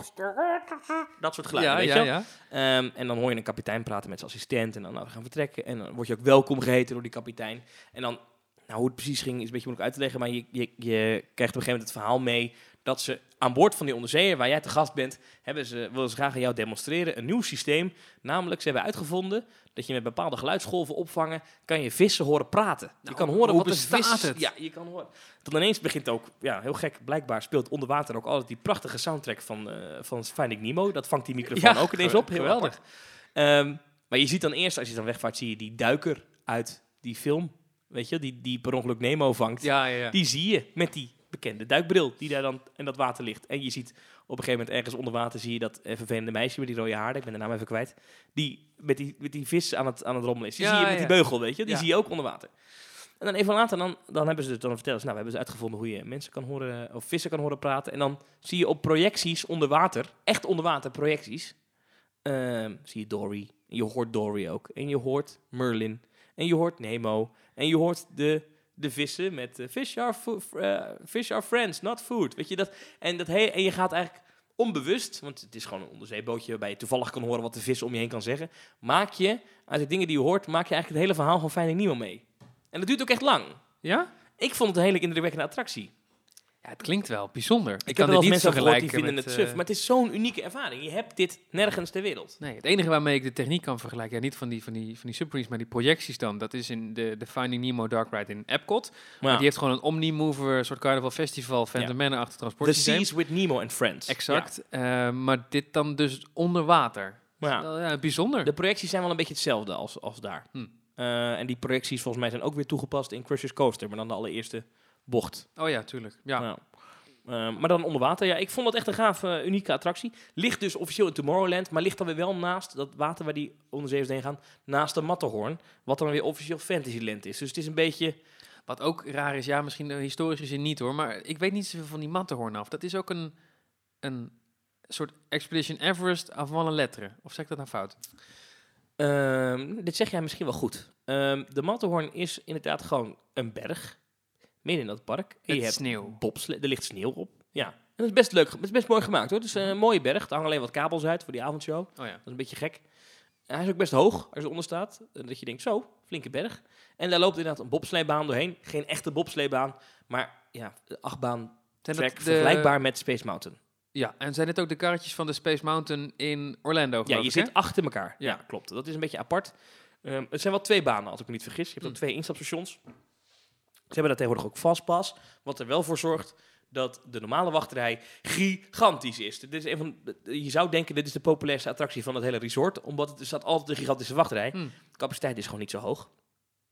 Is een attractie waar Walt Disney zelf nog bij betrokken is geweest. Oké. Eh, had hij nodig om een van de film te pluggen, begreep ik. Maar wat, het, wat interessant is, ehm, is hij is ontzettend hoog. Dus als je binnenkomt, hij is ja, het, is, het, kasteel valt in het niet bij die Matterhorn die ernaast staat. dat is een beetje gek. Maar eh, het is een achtbaan, best heftig.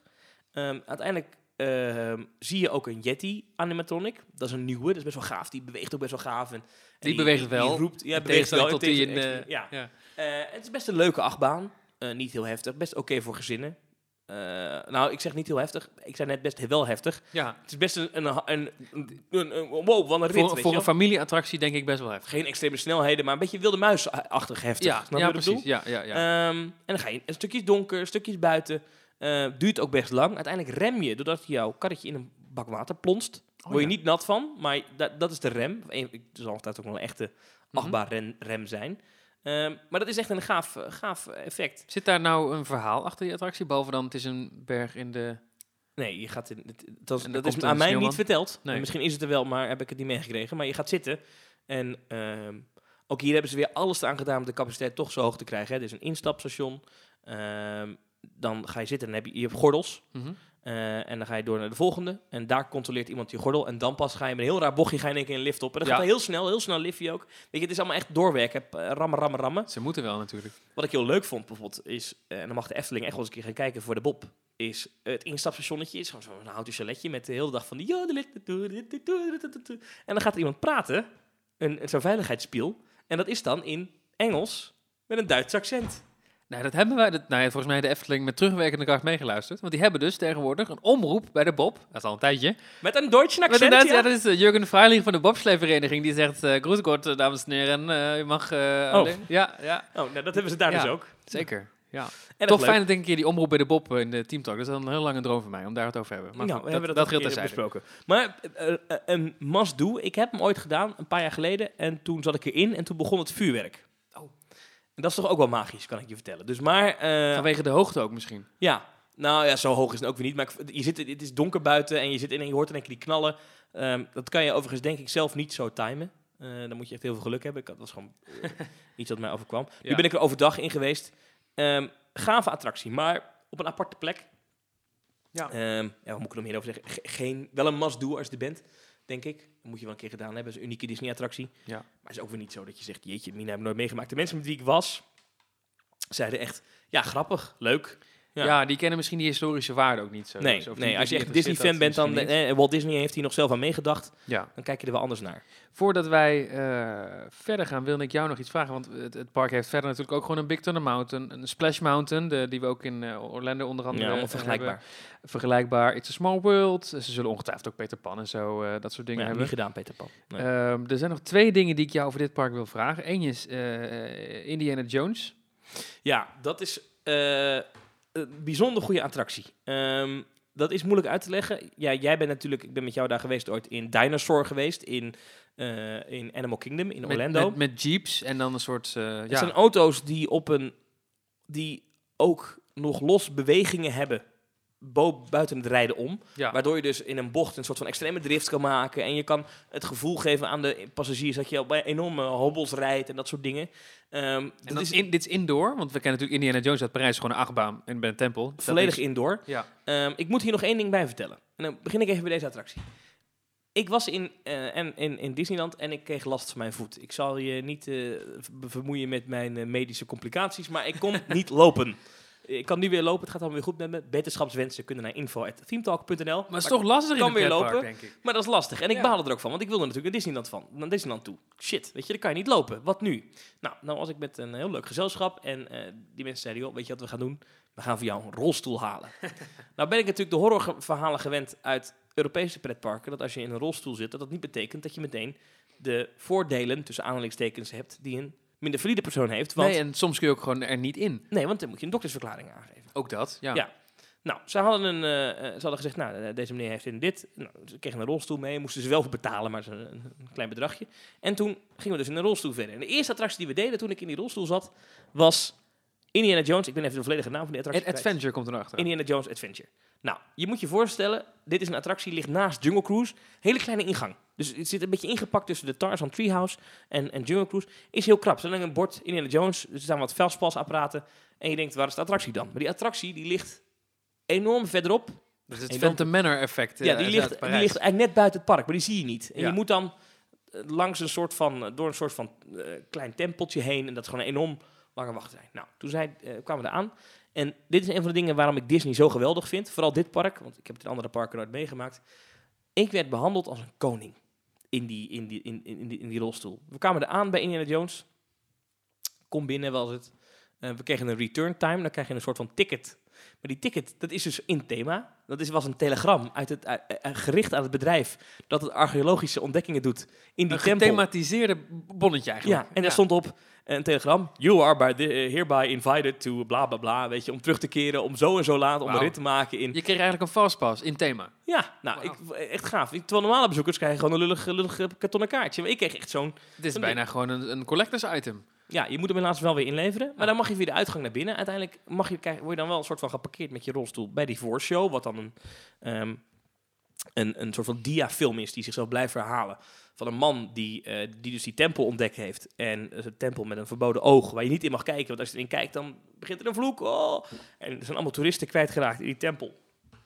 Want hij verdiende er lekker geld uit. Mensen van over heel de wereld kwamen kijken voor die tempel. En hij gaf die mensen tours aan eh, in die tempel via een auto. Ja. En uiteindelijk zijn allemaal toeristen verdwenen omdat ze in dat oog keken. En het verhaal wat dan verteld wordt in die dia's is dat, eh, en ook oude, ouderwetse nieuwsuitzendingen komen daar voorbij, dat Indiana Jones die tempel ingegaan is om die verdwenen toeristen op te halen. En nu ben jij er ook en mag je gaan kijken of eh, onze grote vriendelijke vriend Indiana Jones er nog is. Oh ja. Althans, daar komt het volgens mij een beetje op neer. Nou, met mijn rolstoel moet je dan wel een keer met een lift die dan niet echt geteamd is. Moet je dan naar boven, over het station heen. En dan aan de andere kant weer naar beneden. Mhm. Dat is een beetje stom, want dan in één keer ben je... Ik ben, was er in een tempel, maar hier is een hele moderne lift met een 1 en een B. maar goed, oké, maakt niet uit. Ehm, eh, en dan stap je in die auto en dan begint die rit. En dan kijk jij natuurlijk in dat oog. Nou, dan begint het allemaal, oh, de vloek is begonnen. En dan kom je ook Indiana Jones tegen. En dan zit er een heroïsch moment in. Spoiler alert. En dan... te- te- te- te- te- Ja. En dan ma- maak je even snelheid met die jeep. Nou, dan kom je in, in die tempel terecht. En het mooie is dat de rit... Je kruist je eigen baan een paar keer. Dus je komt ook echt een aantal keer... Sta je een keer recht tegenover een andere jeep. Hmm. Ehm, eh, en, en, en je gaat een keer achteruit. Je gaat niet echt achteruit, maar zo voelt het. Ehm, nou, ik zal het niet helemaal spoilen. Bijzonder goede attractie. Een van de beste attracties van dit resort. Zo niet de beste van dit resort. En het gerucht gaat dat hij misschien nog naar Parijs komt. Laat dat maar komen. Want het is echt een hele gave, gave experience. Ook qua special effects geloof ik. En niet alleen qua decors en muziek en animatronics, maar volgens mij... Ja. Ja. Ik ben niet zo van het UV-lichteffect. Hmm. met we hebben iets op een muur ge- ge- ge- getekend en er gaat nu een UV-lamp aan en dan zie je het ook. En dan gaat het lichtje weer uit en dan zie je het niet meer. Vind ik zelf niet zo spannend. Ehm, maar die centrale hal is heel mooi, maar er zitten wel een aantal scènes in waarbij ik denk, ja, dit is gewoon een, echt een witte, of eh, gewoon echt een strakke betonnen muur Hmm. waar jullie wat dingen op geschi- geschilderd hebben. Dus ik vind niet alles even perfect. Het is niet de beste dark ride van de wereld, maar de combinatie ritssysteem met wat je ziet, met verhaal, met muziek en de animatronics van Indiana Jones, is het wel echt een hele goede attractie. Of Akkoord? neem ik het nu allemaal te serieus? Nee, staat genoteerd. Nee, ja, ik, ik denk dat, het, eh, dat dit ook wel Daarover echt een topper gesproken, is. de Haunted Mansion daar Ik vind het leuk dat jij ook keer- niet de beste Haunted Mansion. Nee, nou dan slaan we die over, want anders Maar wordt het te negatief. Oh ja, Eh, ja. ehm, ehm, ik wilde jou nog even kort vragen, maar dan moeten we het even kort houden.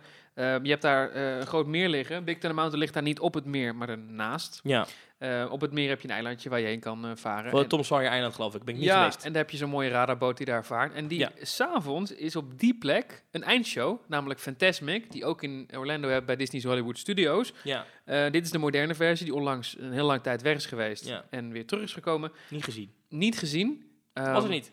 Alleen want dit weekend. Die is er dus alleen in het weekend. Ja, raar. daarover heb ik mij laten vertellen dat eh, de laatste jaren, eigenlijk het laatste jaar, dit resort wat Disneyland Parijs-achtige bezuinigingen doorvoert. Ja. Zo wordt World of Color al lange tijd niet opgevoerd. Dat is de avondshow van eh, California Adventure. De reden die daarvoor gegeven is, is omdat er gebouwd wordt aan de Pixar Pier. ja. Maar als Google dan het park afhuurt, dan is World of Color er ineens wel voor alle Google-medewerkers. Ja. Ehm, en hetzelfde geldt inderdaad dus bijvoorbeeld voor een, eh, een avondshow als Fantasmic. Is niet open eh, door de weeks. En hoe zit het qua horeca? Is wel we- alles gewoon net zoals... Ook eh, dat viel mij op. Ook oh. daar ging heel veel vroegtijdig dicht. En bijvoorbeeld een gedeelte als Downtown Disney, waarbij je zou verwachten, joh, na sluitingstijd van ja, het het park uitgaansgedeelte. wordt het ja, daar heel druk. leuk. Daar ging heel veel op World of Disney Now. Dat bleef dan wel geloof ik een uurtje of elf, half twaalf open. Maar ging heel veel, heel vroeg dicht. En ehm, dat deed mij een beetje Parijzig aan. Ja, en ik dat- sprak iemand die daar eh, wat vaker kwam, want die woont daar. En die zei, ja, het laatste jaar sluipt dat er hier een beetje in. Ehm, maar dat zou wel eens mee te maken kunnen hebben dat ze echt een beetje op de rem moeten trappen daar qua financiën. Omdat daar Star Wars Land gebouwd wordt, achter in het Disneyland Park. Ehm, een gedeelte wat vroeger Frontierland was. Ehm, ik heb daar de ingang van gezien, dat ziet er mooi uit. Maar ik vermoed wel dat dat Star Wars Land, dat is heel groot. Ehm, als je het ziet, vanuit Het gaat ook weer Mountain massa's het. toeristen trekken Het gaat massa's toeristen trekken. Dat wordt wel een bottleneckje daar achterin, achter Big Thunder Mountain, waar die paden allemaal lopen. Ik heb dingen gezien, ik heb ook een paar keer even door, door het hek ge- getuurd. Ook vanaf de achterkant, want ons hotel is aan de achterkant. Wij liepen om het park heen, de dagen dat ik nog kon lopen. En dan zag je wel die bouwwerkzaamheden voor, voor, eh, eh, voor Star Wars Land of Galaxy's Edge. Ehm, en heel indrukwekkend, heel imposant. Ik kan me er nog niet echt een beeld bij voorstellen wat dat moet worden. Ehm, op een gegeven moment zag je een soort van conceptart- bergwand met allemaal ja, echt Star Wars huisjes erin. Dat kon je al herkennen. kon, je, kon ik al herkennen, ja. Sterker nog, op een gegeven moment liepen wij door het park. En toen zagen wij, kijk, er wordt daar iets... Want je ziet constant hijskranen dingen sjouwen. En toen zag ik echt zo'n... Ja, zo'n... Ja, ik weet niet... eh, eh, eh, eh, een huisje, een Star Wars huisje, weet je? Zo'n zo'n. Ja, zo'n ze- rond ovale dak met zo... Ze Zo. moet ook wel, want volgens mij moet het over iets meer dan een jaar af zijn. Ja, nou, dan hebben ze nog wel even, even, te gaan, denk ik. Vanaf de achterkant overigens zie je vooral rotsen met af en toe... Of, of, eh, loodsen met af en toe een rots die er bovenuit eh, uitsteekt. Ja. Eh, die zit nog niet af. Maar ehm Frontierland is wat krap en wat klein op dit moment. Ik ben heel benieuwd hoe het daar gaat met de drukte. Want ik, ik vermoed dat er best wel tafereelen zouden kunnen ontstaan. Zoals toen Harry Potter openging voor het eerst in Universal in Orlando. Dat het zo druk wordt dat je dan echt externe wachtrijen moet gaan, moet gaan werken. Weet je wel, ergens een, ergens een veld met, eh, met, met een meandering. Ehm, dat, dat er op een gegeven moment themagebieden worden afgesloten. Van Star Wars Land is nu vol. Ja. E- Eén eruit, één erin. Weet je wel, dat soort dingen. Ja, een van die, van die mensen daar die ik sprak, die zei wel dat, dat, dat, en het is helemaal niet officieel hoor, maar dat hij had de verwachting dat het park een fors duurder ging worden na opening eh, van Star Wars. Ja, met die drukte kan het ook wel. Hè? Want Ja. een prijsverhoging is dan... Volgens mij denkt Disney vaak ook bij een prijsverhoging in Anaheim... We mogen ook wel wat minder... eh, ja, want er waren wel echt plekken. Een, een- een voorbeeld waar het echt te druk was, was bijvoorbeeld het, het gebied eh, van Frontierland naar New Orleans Square. Daar heb je zeg maar, dat water in, dat langs dat, dat terrein waar die show opgevoerd wordt. Ja, daar had ik wel echt een paar keer dat ik in mijn rolstoel zat en ik dacht, jeetje, wat een hoop mensen. Ga eens aan de kant, joh. Goed. Maar het is verder echt een fantastisch park, hoor. Ik eh, klink nou weer ik allemaal negatieve dingen aan het aanhalen, maar het is zo uniek, die sfeer die daar hangt. en, en de manier waarop je ontvangen wordt door de mensen die er werken. Dit is, dit is, als ik je, vind dit bijna het beste Disney park waar ik ooit ben geweest. als je eh, Disneyland Park in Parijs een cijfer moet geven qua algeheel... Hè, dus ook qua sfeer en, en service. En, en dit park, wat zou je dan doen? Dan krijgt dit park een 9, Mhm. eh, eh, Californië, en dan krijgt Disneyland Parijs een 6,5. Oké. Vind ik nog coulant voor Parijs. Ik denk Nee, dat als, als Maurice nu tegenover je had gezeten... ja, die had er een 5 van gemaakt, maar Ja, of een nul. Disneyland Parijs scoort wel een voldoende. Maar zeker ook omdat heel veel attracties die eh, Disneyland hier heeft, in Californië bedoel ik, Mhm. die zijn in Parijs beter. Big Thunder Mountain is in Parijs beter. Het Spookhuis, Haunted Mansion versus Mhm. Phantom Manor, Phantom Manor beter. Space Mountain, Space Mountain in Parijs beter. Pirates of the Caribbean? Paar- ben ik vorige keer in geweest. Mhm. Dit keer was hij dicht. Eh, Parijs beter. Eh, It's a Small World, Parijs beter. Ja. Ehm Maar dus die service... Indiana die- Jones, California, Ja. beter. Ik wou Kan zeggen, dat, eh, ja. Ehm, Die achtbaan dus er die- is, er is ehm, Frontierland, een Fantasyland heb ik niet. Ik heb heel veel van die kleine attracties niet gedaan. Peter Pan's Flies heb ik niet gedaan. Heb dus jij, dat ik heb, niet. staat in die, die Mr. Toad, eh, die, die, die pad, Ja, die daar een niet- eigen dark ride heeft? Niet in geweest. Nee, Ook vorige schijnt, keer eh, niet? nee, ook vorige keer niet. Nee. Wat zonde. Wil ik een keer met jou daarheen in die, in die kikker dark ride? Lijkt is dat zo leuk dan? Ik weet niet wat wat het Ja, is. volgens mij is het vreselijk, maar dat is ook weer zo'n klassieker. Net zoals de Tiki Room, dus dat je ook niet gedaan hebben. Maar dit is dus weer interessant, hè? want het, het, het reisgezelschap waarmee ik was, zijn geen pretpark-nerds, Mhm. zoals wij. Zijn wel Disney-nerds zitten daarbij. Ehm, maar die hadden bijvoorbeeld helemaal niet de behoefte om eh, ook in Roger Rabbit's cartoonspin Eh, Ja. Ook niet ingewezen, hadden ze die behoefte niet. Nee. Eh Mr. Toad, ik, kreeg, ja, ik, ik ging dat niet proberen, had ik altijd geen Die zijn in. misschien meer van de, van, de, van de grote merken van nu, zeg maar. Die waren Ja. helemaal blij met Pixar. Ja, en, en ehm, bij die mensen viel het me op, dat ze allemaal, want we zijn één dag Disneyland Park geweest, één dag California Adventure, waarbij ik had verwacht, California Adventure gaan wij in een halve dag doen en dan gaan we weer terug naar Disneyland. Nou, zeg maar nee. Deze mensen waren echt fan van California Adventure en vonden zij vele malen leuker dan het Disneyland Park. En dat vond ik interessant. Dat park ligt dus eigenlijk tegenover het normale Disneyland Park, waar wij in Parijs dan de studio's hebben daarnaast. Heb je hier. California Adventure, een park dat ooit bedoeld was als hier beleef je California. Ja, en Dus wat, je hebt een stukje San Francisco, een stukje LA, een stukje Hollywood, een stukje van die enorme natuurparken die ze hebben. ja, leuk bedacht. Maar volgens mij was dat park een grote mislukking. Hè? Dat was een beetje wat wij met de studio's hadden in Parijs. Dat is, Ja, wat ik ervan gelezen en gehoord heb, was dat, was dat gewoon crap. ja. En heeft Disney daar ontzettend veel aan moeten trekken om daar iets anders van te maken. Ik ben er een paar jaar geleden al geweest. Vond ik het ook heel leuk. Mhm. Ehm, maar ik vind het nu eigenlijk gewoon eh, echt een goed park. Het is wel een beetje een park bij de identiteitscrisis. Want wat is er nou nog California aan? Zeker nu eh, Paradise Pier. Dat is zeg maar een- het, het, het gedeelte dat een beetje het boardwalk eh Californië je moet voorstellen. Hè, de, de pier van Santa Monica natuurlijk heel bekend met de Ja. erop. Nou, dat hebben ze daar een beetje nagebouwd, die sfeer. Mooi. Dat wordt nu Pixar Pier. Met alles wordt dan in ja. Pixar thema. Nog steeds wel die pier sfeer, maar alles met Pixar. Ja. Je kan je wel afvragen, wat is hier dan nu straks nog California aan? Hè? Zeker ook Hollywood Tower Hotel, de, de, de Tower of Terror, is nu Guardians of the Galaxy Mission Breakout.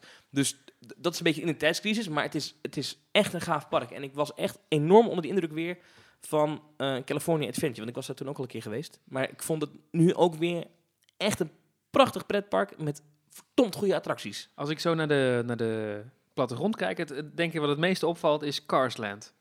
Ja, nou, Carsland is, daar heb je heel veel flat rides, hè, met eh, dat je... Kinderattracties. kinderattracties, ja. weet je, gewoon eh, hier draait een auto en dan kan je inzitten, jee. Maar ik zie daar een gigantische rotswand waar waar de Grand Canyon... Dat is een beetje die sfeer. Ja, nou, ze, ze, ze, ze hebben daar dan, en ik ben even de naam kwijt van dat dorpje, geloof Raging Spirits heet het geloof ik of zo. Ehm, die hebben ze na, oh Radiator Springs. Ja. Raging Spirits is die attractie van Indiana Jones in, eh, Oh ja. in, in Tokyo Disney Sea. Nee, Radiator Springs, ehm, en zo heet dat het, het, het dorpje uit de film Cars, waar dus de auto's allemaal wonen. Dat hebben ze nagebouwd. Dat hebben ze nagebouwd. Dus je hebt daar ook inderdaad die, ik geloof de Italiaanse auto heet Luigi, weet je, waar je nieuwe banden kan krijgen. Die heeft zijn eigen winkel en Flo's Café.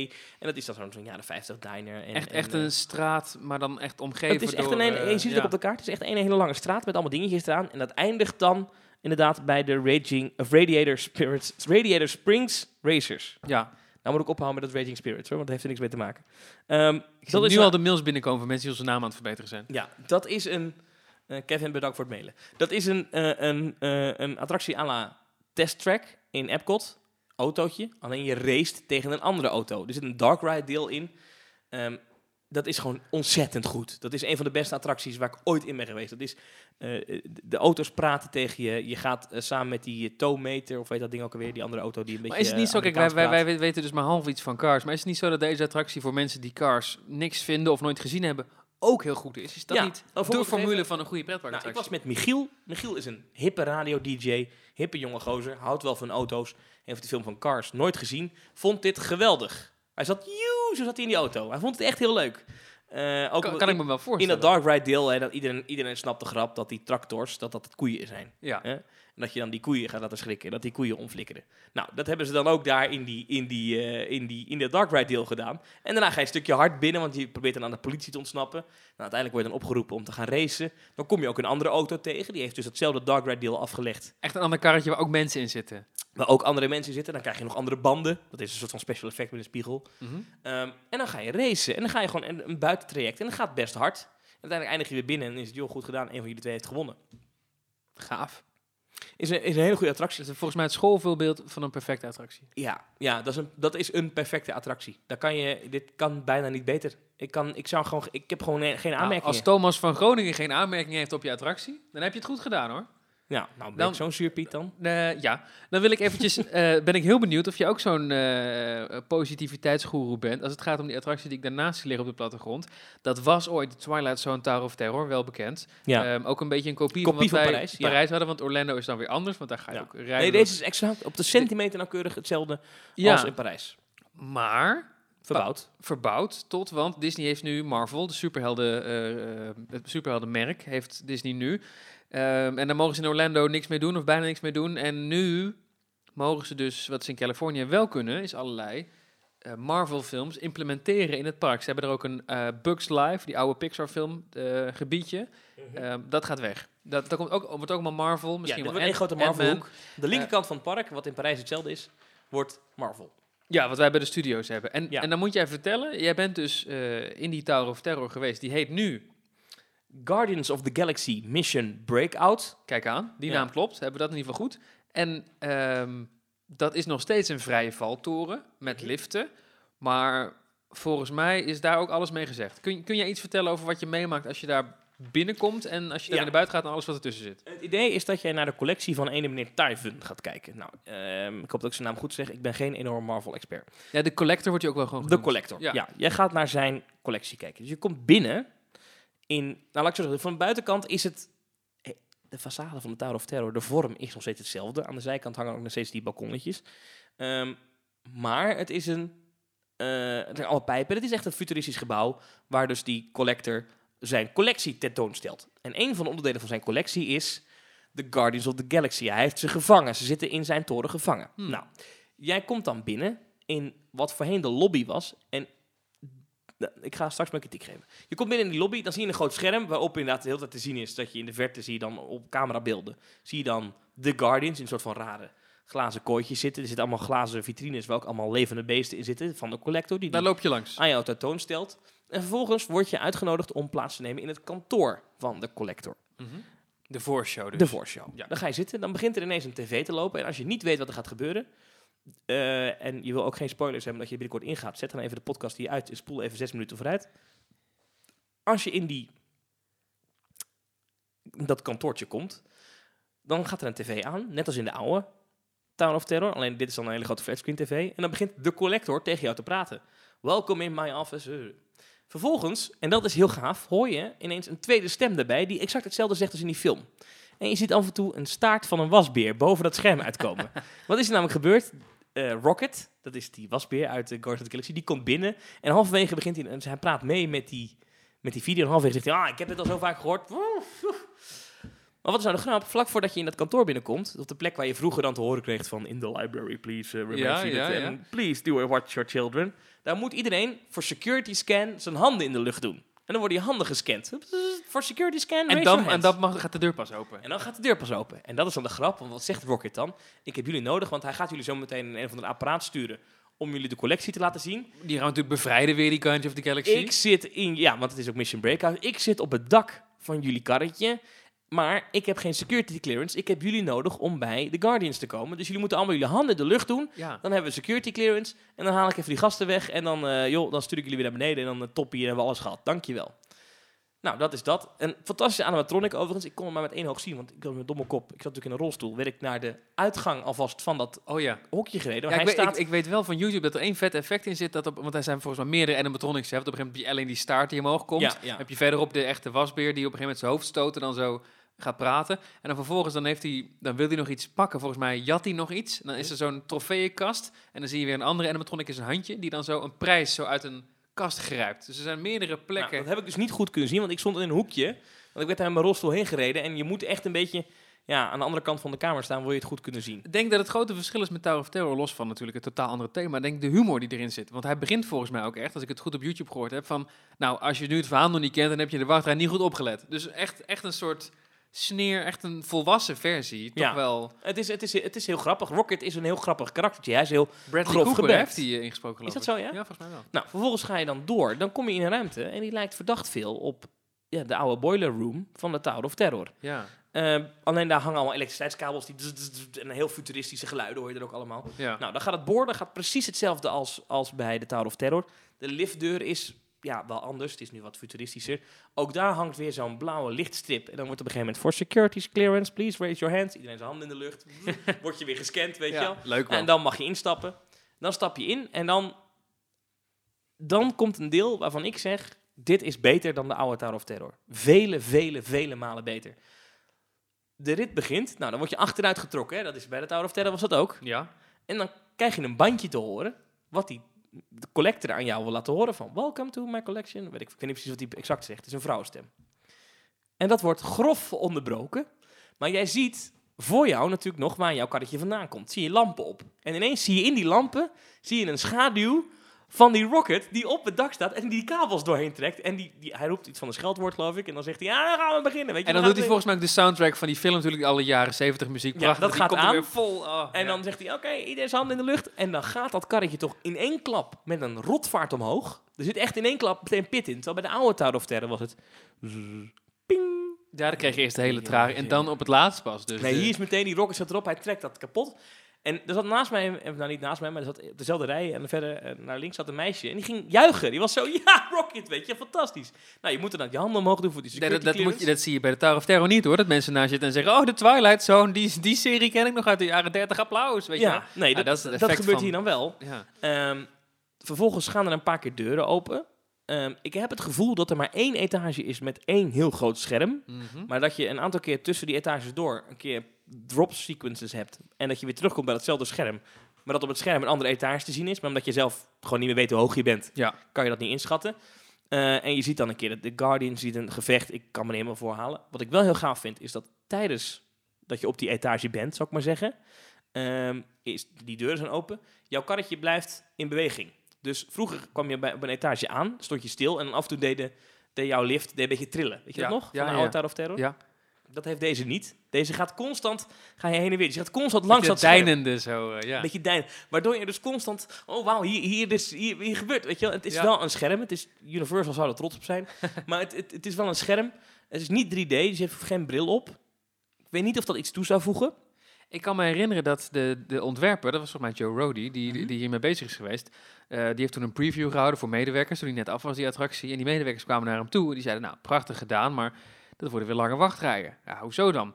Ja, omdat hij veel langer is dan de originele Tower of Terror. Maar toen zei Joe Rody, eh, nee, dat is niet het geval. Hij is exact tot op de seconde nauwkeurig even lang als de oude Tower of Terror, die we ook in Parijs kennen. Alleen vanwege dat spectaculaire begin, waarbij je meteen erin knalt en meteen die freefall omhoog en naar beneden en toestanden, lijkt die veel langer. Ja. Maar er zitten precies evenveel drops in en hij is, en hij is even lang. Ik had ook het gevoel dat die langer duurde. Ja, Mooi is dat, hè? ja. en het is een, het is- ik- de rit is echt vele, vele malen spectaculairder en beter. Het probleem dat ik wel met deze attractie heb, is dat je zo erg Tower of Terror herkent. Je herkent in alles... Oh ja, dit was, dit was de lobby.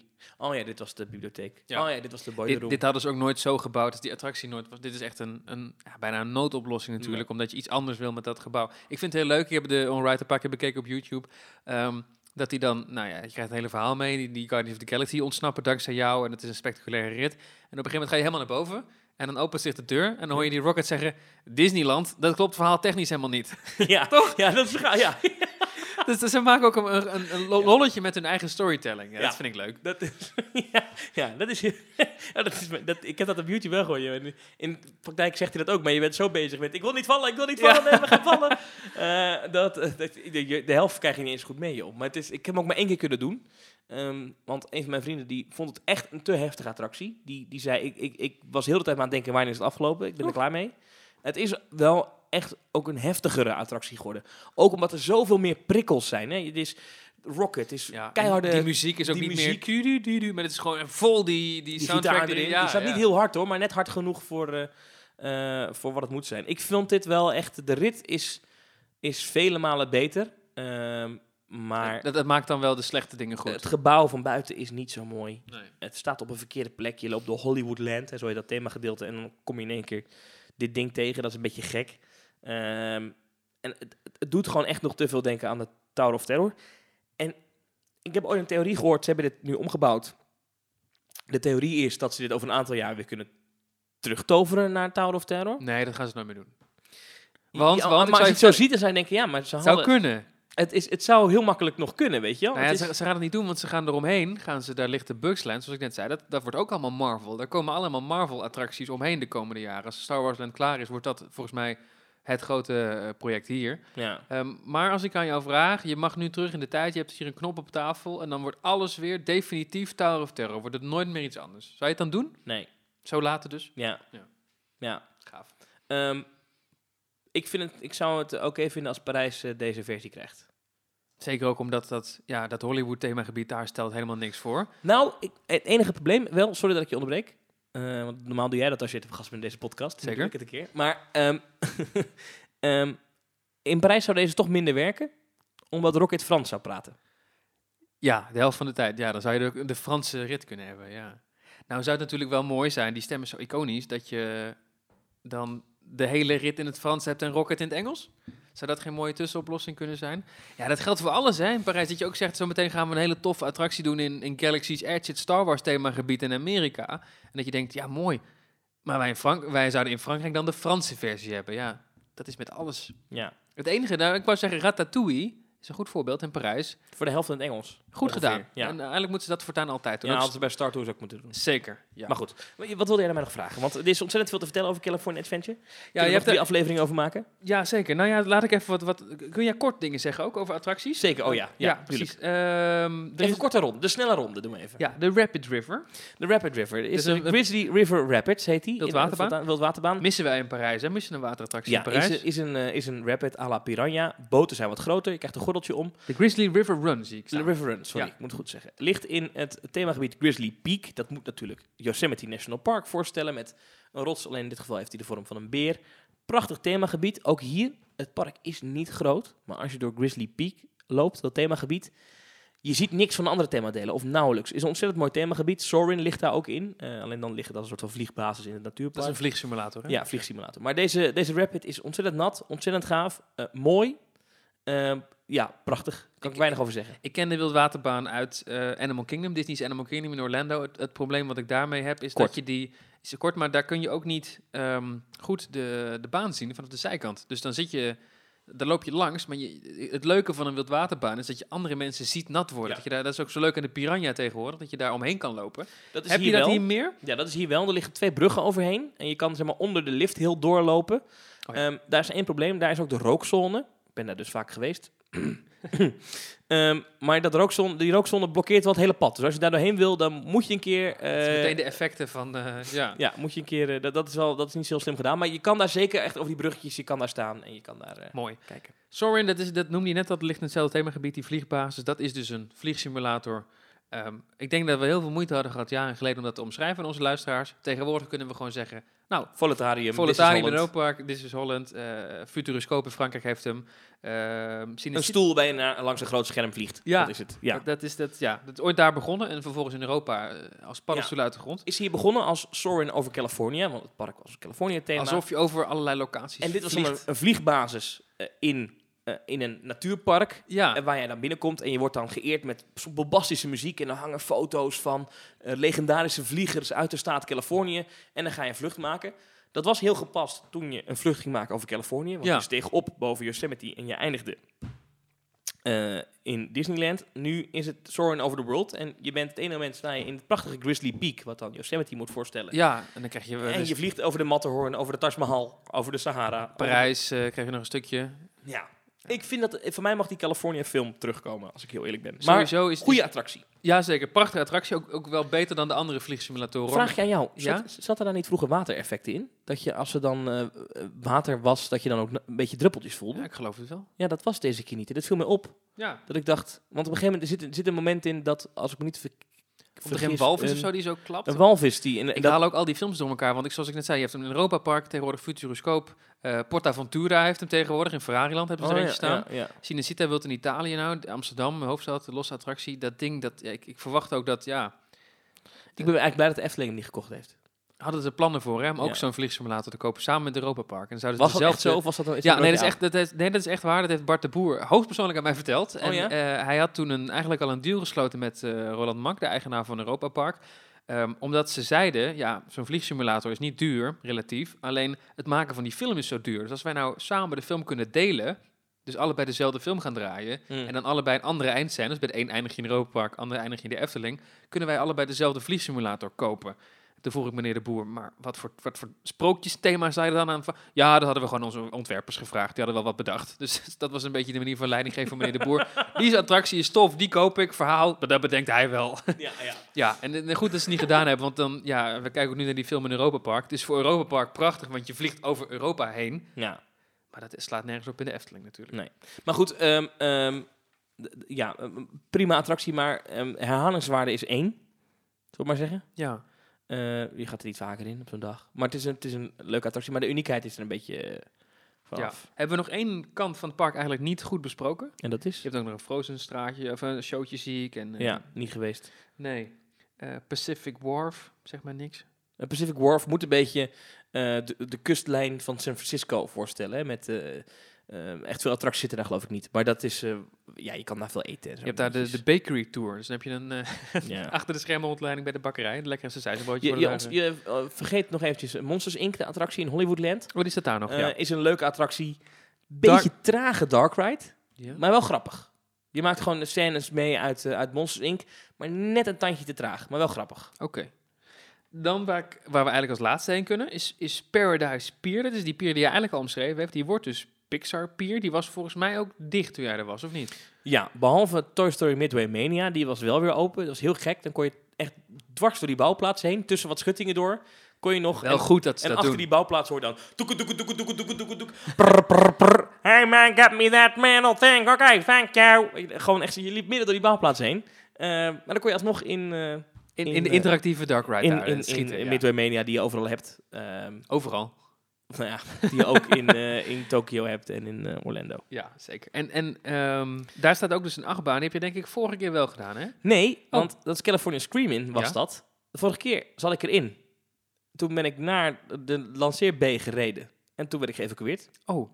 En toen dacht je, dan ga ik hem even dit keer doen. Dan ga ik hem dit keer doen. Is hij dicht omdat ze verbouwen tot Incredicoaster. Coaster. Ja. Ja. want het wordt dus een Incredibles thema. En op de conceptart zie je dus dat er de, de tunnels waar je doorheen gaat. Ik vind het wel bijzonder dat deze achtbaan ehm, heeft... eh, als je hem zo van een afstandje ziet, het is een witte achtbaan. Het, Ja. Dit is heel erg zo'n ouderwetse kermisachtbaan uit de jaren 60. Mhm. Als je hem zo ziet, dan denk je dat dat zijn houten ondersteuningen. Nee, is wel metaal. Maar mij. dat is gewoon een stalen achtbaan van, Ja. van Intamin. Maar dat is Van met een lancering. met een lancering. En een looping. Hè? Dus helemaal familie is hij niet. Nee. Maar hij gaat ook niet hard. Want hij reed nu, dat vond ik wel op- verpand. Met twee treinen werden de testritten gereden. Terwijl er gewoon overal nog gebouwd werd. Ja. En dan zag je hem gaan en dan denk je, het is geen hele snelle achtbaan. Op het loopingstuk na Ja. Ik weet niet hoe snel die lancering is, maar dat zou ook niet bijzonder snel zijn. Maar het is, het is wel een attractie die geschikt is voor families op de inversie na. ja, precies. En dan heb je dus daarnaast een groot reuzenrad staan. Ja. Eh, en daar stond heel, al heel lang Mickey op. Hij, die, die reuzenrad staat ook tegen dat meer aan. Alleen die Mickey, toen ik er was, werd er van afgeschilderd. Wat ze daarmee gaan doen, no one knows. Het verhaal gaat dat het nu toch een Pixar-reuzenrad wordt. Maar of Ja. Mickey Mouse er nou op blijft zitten, dat is Het is wel een icoon, onderwerp hè, van discussie. Ja, Het is ja, icoon, het- ja. het is, je hebt argumenten voor en tegen. Je kunt zeggen, die Mickey die hoort daar te staan, want die is Ja. altijd al gestaan. En dat meer daarvoor, dat is, daar is World of Color op. Een soort Aquanura heb, XXL. ik nooit, ja, heb ik nooit gezien. Oh. Uh, want uh, de vorige keer eh, was ik s'avonds naar de andere eindshow gegaan. Ja, want toen zat ik in de Matterhorn, weet je nog? Oh ja, ja, ja, ja, ja. Eh, en ehm, eh, dit keer was er geen World of Color, want het, was, het lag helemaal open. Sterker nog, eh, je zag alle pijpen, want het water was, was er uitgepompt. Dus je zag Als al ik jou zo hoor, dan, dan weet ik al, wij moeten nog een keer terug naar Californië met z'n tweeën. Ik moet nog een keer terug. Misschien Maurice, als je luistert, je mag mee hoor. Ja, vooral ook voor die Pixar Pier ben ik wel benieuwd. En ik zou ook nog gewoon eens een keer iets rustiger die sfeer van Disneyland in willen ademen. Ja, klinkt goed. Ik ga er in september heen, dus, dus wie weet ja. Kan ik dan, zijn jullie komen vertellen. de Ball of Color zal het dan ongetwijfeld wel zijn. En dan moet ik dus op in ieder geval op een vrijdag, zaterdag of zondag, als ik ook Fantasmic wil zien. Ligt misschien aan het seizoen. Maar Ja, ja. Een paar dingen die me opvielen. Bugs Land. Eh, dat is dan eh, een themaland waarbij je dan heel klein bent en tussen de hoge grassprieten loopt. Vond ik erg lelijk.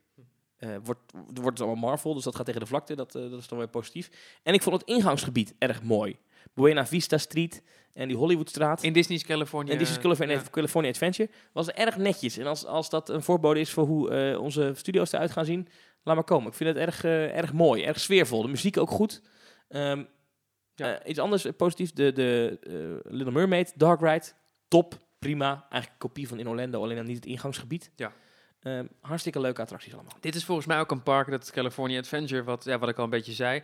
Dat is nooit, bij de opening was dat crap. En was dat gewoon, had echt een upgrade nodig. En hier heeft Disney echt een leger Imagineers opgezet en een gigantisch budget om te zeggen, dit moet een volwaardig park worden. Ja, En ik denk dat dat nou echt de, de, de behandeling is die onze studio's in Parijs krijgen nu. ja. Eindelijk. En het is ook wel gelukt hoor, want we hebben hier ons echt een hele dag vermaakt. Ehm, ik, laat me eens op die kaart kijken. Is er iets hierop te zien wat ik niet gedaan heb? Eh, ik ben ook nog bij, bij Turtle Talk geweest. Oh, dat, dat dan weer wel. Dat is leuk hè? Ken je Turtle Talk? Ik heb het in Parijs, sla ik het altijd over. Hebben ze het in Parijs ook? Oh, dat, Eh. Orlando sla ik het altijd over, ja. dat is leuk, man. Ik sla het overal altijd over. You totally rock it, Ik man. ga er niet met schildpadden praten. Nee, in Lachen. Parijs sla ik die s- pratende Stitch altijd over. Oh ja, Praat in de Stitch, ja. Ja. Nou ja, ik vind Praat in de Turtle wel leuk. Ik had het nog nooit gedaan. Oké. Ehm, ja, kijk, er zijn heel veel bijvoorbeeld in dat hoekje eh, van Paradise Pier. Er zit ook wat horeca daar zo. Eh, daar staat toch een, een wilde muisachtbaan. Eh Goofy's... eh, hoe heet Oh, ja. ding? Ik ben de naam kwijt. Eh, ik ga het nou opzoeken. Goofy's Sky School. Ja, eh, een kermisbaan. en Dus die staat daar zo lelijk gethematiseerd. Het is echt niks. Nee, Ja, maar ik snap niet waarom Disney dat doet. Zoals ze ongetwijfeld nodig hebben gehad voor de capaciteit. Maar dat is echt een lelijke, lelijke attractie. Past dat ook niet in thema op een of andere manier? Ja, kermis, Paradise, Boardwalk. Ja. Daar staan wel meer kermisattracties, ook een paar van zweefmolen en dat soort dingen. Ja. Eh, wordt, als het goed is, allemaal Pixar. Want de hele term Paradise Pier gaat verdwijnen, Ik, uiteindelijk. ik zag daar concepten van, vooral van de horeca daar. Mhm. De, de eetentjes daar, die Pixar thema krijgen. Erg, Ja. erg lelijk. Ja, de, de, de, de, de abominals, de, de, de, de vriendelijke sneeuwman en zo, dat soort dingen. Zo. Ja, ik werd er Ja. niet enthousiast van, van hoe dat... Het was echt schreeuwerig weer. En het was Ja. ook weer een beetje, dat, Ja. een beetje het Disney wat we niet willen. En wat heel raar is dat straks de Little Mermaid attractie dus in een Pixar themagebied komt te liggen. Ja. Waarbij je kan afvragen, wat heeft dat met elkaar te maken? Of wordt dat dan misschien toch een... Ja, Finding Nemo hebben ze al, dus het zou raar zijn als ze daar... eh, ja, die is ook hartstikke nieuw, joh. Met nieuwe animatronics, dat gaan ze niet En dat is veranderen. een, echt een goede dark ride. Ik vind dat echt een hele goede attractie. Ja. Ehm, kan ik het hiermee afsluiten? Nou, ik ga het afsluiten met een reisadvies. Oh. Laat ik dat eens doen. Als je nou een Disney-liefhebber bent en je hebt zoiets van, nou, ik zou dit wel willen zien, ga gewoon boek een reisje Los Angeles, bezoek Universal Studios, Disney en doe een paar dagen LA. Rijd desnoods nog een dagje met een huurauto naar de Grand Canyon of zo, of weet ik veel wat er nog meer in de buurt ligt. Maar doe dat vooral. Het is echt de moeite waard en het is, het is ehm, eh, ik vind het echt een mooi Disneypark. Het is, het is, het is ehm, anders dan je gewend bent. Het is anders dan het massale in Parijs. Parijs voelt in vergelijking met dit heel massaal. Dit is absoluut niet massaal. Dit voelt soms een beetje knus. En ook een beetje kneuterig is het soms. Ehm, en ik kan het zeker aanraden. En het, het zijn eh, bijzondere attracties. Heel veel dingen die je, die je nergens anders kan doen. Ik wil er nog eentje uitlichten. Ik Ja? toch even terug naar Disneyland Park. En daarna hou ik echt op. Want volgens mij zijn we alle luisteraars al kwijt. Want ik ben veel te lang aan het ratelen. En dan wordt het veel te saai dit. Maar ik wil er nog één Nog eentje dan. nog eentje, eentje met jou bespreken. En dat is de volgende attractie. Namelijk, ik moet hem er even bijpakken. The Disneyland Story Presenting Great Moments with Mr. Lincoln. Dat is een attractie Oh, ja. in Main bijna Street. vergeten. Als je Disneyland binnenkomt, die gaat naar rechts. Dan kom je binnen en dan is het The Disneyland Story. Eh, je komt binnen, het eerste wat je ziet is een bankje. Wat tegen de muur aan staat. Dat is een groen bankje en daar staat bij een bordje. Dit is het bankje waarop Walt Disney zat bij een draaimolen. Waar hij zijn kinderen op zag. Waarop hij voor het eerst het idee kreeg, er moet een Disneyland komen. Hoe, hebben ze, hoe zijn ze naar dat bankje gekomen? Geen idee. Hebben ze- ik denk dat er gewoon een keer s'nachts twee medewerkers naar het park zijn gereden en die bankjes hebben gejat. Eh, ook een foto daar, een hele grote foto van Walt, een zwart-wit foto, onder dat kasteel wat even verderop ligt. Oh ja. Ja, dat is gaaf. Dan kom je de hoek om, eh, dan is daar in die ruimte allemaal foto's en ontwerpen te zien van het allereerste Disneyland. Bijvoorbeeld bordjes ook erop uitgelegd wordt dat, dat Walt helemaal gek was op. Treinen, hij had iets met de railroads. Nou, allemaal concept arts eh, wo- van die railroads, ook van Walt Disney World overigens, wordt een en ander uitgelicht. Nou, dat kan je allemaal daar zien. Er is een enorme maquette te zien van hoe Disneyland eruit zag in 1955. Leuk. Nou, daar loop je doorheen. Fantastisch. Dan kom je in een volgende ruimte. Dan krijg je weer een video te zien. En daarin hoor je een voice-over vertellen. En er was één ding waar Walt helemaal gek van was. Dat is zijn eigen land, Amerika. Vond hij juist trots op Amerika. En er is één iemand die hem inspireerde. En dat was president Lincoln. En dat wordt dan uitgelegd. Dan krijg je ook een aantal fragmentjes gezien, te zien uit de tv-programma's die, die Walt Disney maakte over Disneyland. De ontwikkeling daarvan. Hm? En dan vertelt hij over hoe uniek het wel niet was dat hij het voor elkaar had gekregen om een pop te ontwikkelen die iedere dag, eh, eh, ieder uur van de dag Lincoln kon doen. En dan had een acteur, kwam ze ook, liet ze ook zien hoe dit aankwam, namelijk een acteur die, die ooit had gezien in een toneelstuk die Lincoln speelde, die moest het echt worden, die moest zijn stem ingespreken. Is hem ook gelukt. Er komt ook een imagineer uit die tijd voor in die video, die vertelt, nou we hebben ooit, eh, er is een, een echt gipsafdruk gemaakt ooit van het echte hoofd van Abraham Lincoln ooit voor het maken van een standbeeld. Dat was nog gebeurd voordat hij een baard had. Nou, ze hebben uit het museum dat, dat een kopie mogen maken van dat gipsafdruk. En daarvan hebben ze een masker gemaakt. Dus het masker is echt het hoofd van Abraham Lincoln. Nou, dat is toch gaaf? Even voor de duidelijkheid. Uiteindelijk zie je dus daadwerkelijk... Ja, dit is dus een, een hallway staat met allemaal Amerikaanse requisieten. Een enorme eh, model, schaalmodel van het, van het Capitool in Washington. Oh ja. En er wordt helemaal verteld hoe Walt Disney gek was van die man. En nou, dan kom je door in de volgende ruimte en dat is gewoon een theaterzaal waar je in komt zitten. Je gaat zitten en het begint eerst begint, zijn alle projecties, gaat er een scherm open. Eh, het is ontzettend nationalistisch. En dan uiteindelijk krijg je een deel van, volgens mij is de Gettysburg Address, in ieder geval een toespraak, een bekende toespraak van Abraham Lincoln, die overigens bijzonder goed aansluit bij wat er op dit moment speelt in de Verenigde Staten. Over eenheid gaat het, het land moet weer één worden. Ehm, en hij praat daarover en, en je ziet een animatronic die opstaat, eh, die speech houdt, die ook weer gaat zitten. Nou, dat, dat is echt bijzonder. Volgens mij is de animatronic in de loop der jaren wel gemoderniseerd. Vervolgens gaat er een gordijn open, zie je een sterren achter de lucht en dan zie je, zie je uiteindelijk dat de sterren worden een Amerikaanse vlag. Oh, ja, Aha, ja, aha. ja. Dan zakt er nog een scherm en dan hoor je America. Doet mij ook Spread your doet mij ook heel erg denken aan die twee dingen in, in Orlando. Daar heb je natuurlijk de Hall of Presidents, waar die ook zit, Ja, waar die ja. ook op staat. En de Great American Story. Ja, Great- ja, American Avenger, ja. Ja, of Great American Adventure is het, ja, in, eh in Epcot. Ja, hoe heet dat ding? Ja, Ja, die American Adventure, Ja. punt. Ja. maar dat is maar ook, nee, ja, het was wel great. Ja. Maar het is een beetje, dat Disney probeert toch een beetje in de parken in Amerika altijd dat soort dingetjes toe te voegen. Ja, een en ik vond het heel mooi. Ik was met iemand die zei, verschrikkelijk. Dat Als we dat in Nederland zouden doen, zouden we het verschrikkelijk vinden. Ja, dat is ook zo, maar we doen het niet in Nederland, we doen het in Amerika. Ja, en ik, ik vond dat toch wel iets hebben. En het is ook omdat Walter zelf aan heeft meegewerkt. En omdat ze zo uitleggen wat dit voor hem betekende. Ehm, eh, dat, ik vond dat zo bijzonder. En ik, vind die, ik was er vorige keer ook al in geweest, nu ook weer. Het is echt een bijzonder iets om, om zeker als liefhebber van dit soort parken een keer mee te maken. Maar sowieso ieder mens kan dit leuk vinden. Want het, is, het zegt iets over hoe Amerikanen over Amerika denken. En dan kom je die rit uit. Of dat theater uit aan de andere kant. En dan lopen we weer via een gang naar buiten Main Street op. En in die gang hangen allemaal afbeeldingen van grote Amerikanen. Waaronder dus bijvoorbeeld eh, Jim Henson, hè, de bedenker van de Muppets. Maar ook Barack Obama, Bill Gates, Oprah Winfrey. Nou, allemaal namen. En uiteindelijk eindigt die galerij met één hele grote foto van Walt Disney? Walt Disney himself. Nou, vind ik mooi hoe hij Ik dan vind het mooi hoe dat ze dat gekoppeld hebben, want het is eigenlijk dus een politiek attractie met, met, met Lincoln. Ja, Maar het gaat over de geschiedenis van Disneyland, dus het is een mooie koppeling. ja dat Vind- hebben ze vind slim gedaan. Vind jij het niet storend dat ze gaan uitleggen dat Walt poppen maakt en dat er dan een pop komt? Dat, je, dat zij zeggen, en nu komt de beste pop, weet je wel? Het is want niet... het is, het- ik denk dat het heel goed is dat ze er ooit de Disneyland story van hebben gemaakt. Omdat ik denk dat losstaand Great Moments van Mr. Lincoln, dat heel veel mensen dat niet meer zouden begrijpen. Terwijl als jij nu uitlegt, saai. we hebben hier in Disneyland Great Moments van Mr. Lincoln. Waarom? Walt himself, de man die dit allemaal bedacht heeft, die keek heel erg op tegen één iemand, namelijk Abraham Lincoln. Dat, vond, dat was voor hem een rolmodel. En dat, dat, dat past heel goed in dat plaatje. En dat het, het cirkeltje zo mooi rond is, dat als je eruit loopt, dat dan de laatste man in, dat, eh, in die galerij een portret is. Ja. eh, dat dat Walt Disney zelf is, dat is wel bijzonder. Dat, Iconisch. Maar dit zou ik niet in Parijs kunnen doen, want dit, dit is echt iets wat bij...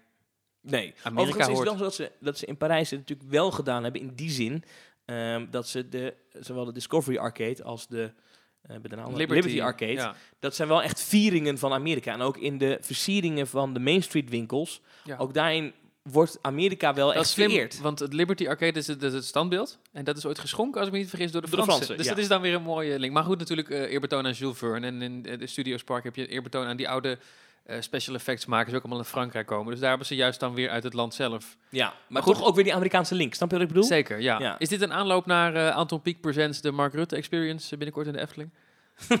of de Ruud Lubbers eh, Great Moments with eh, Wim Kok? Nou, nee. Maar waar dit wat mij betreft wel een opmaat naar kan zijn, is hoe het Efteling Museum interactiever kan worden.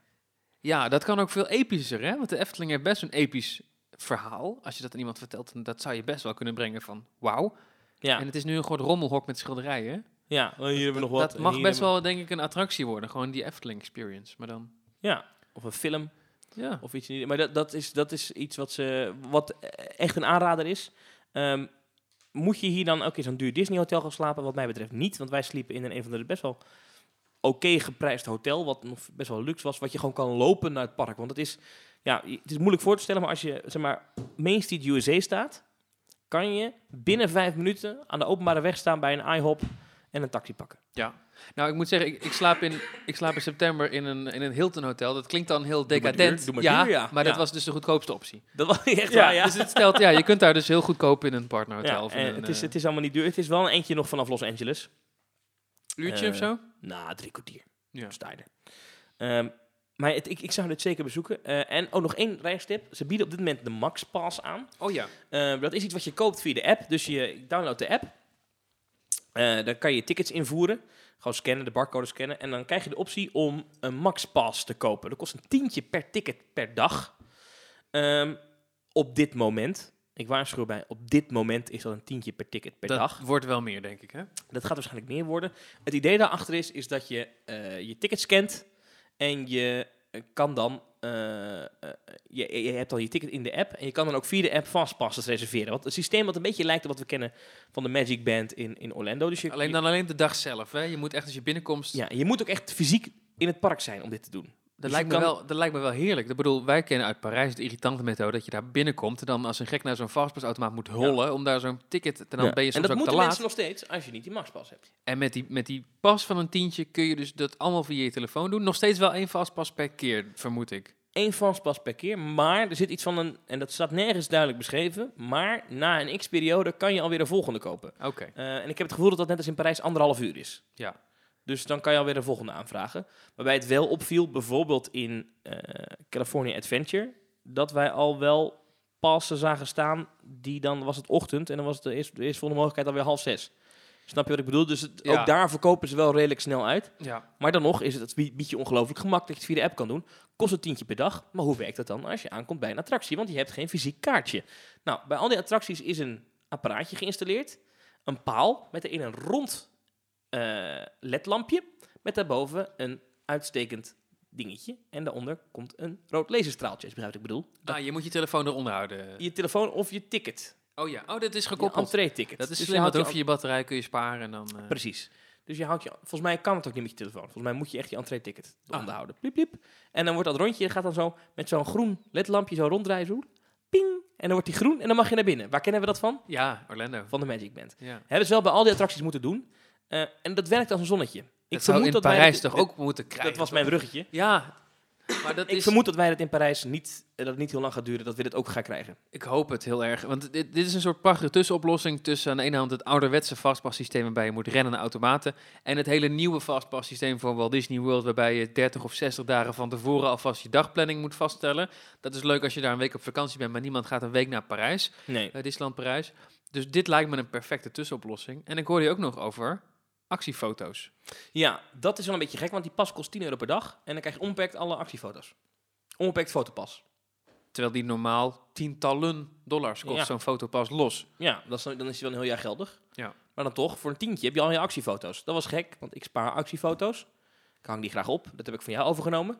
Leuk. En ja, is een leuke hobby toch? Eh, vind ik echt een leuke hobby, heb ik van jou gehad. Maar ik koop dus die actiefoto's. Dus ik kom uit Splash Mountain. Krijg je hem digitaal voor niks? En ik zeg, eh, nou, doe mij die actiefoto. Zegt hij, is 18 dollar alsjeblieft.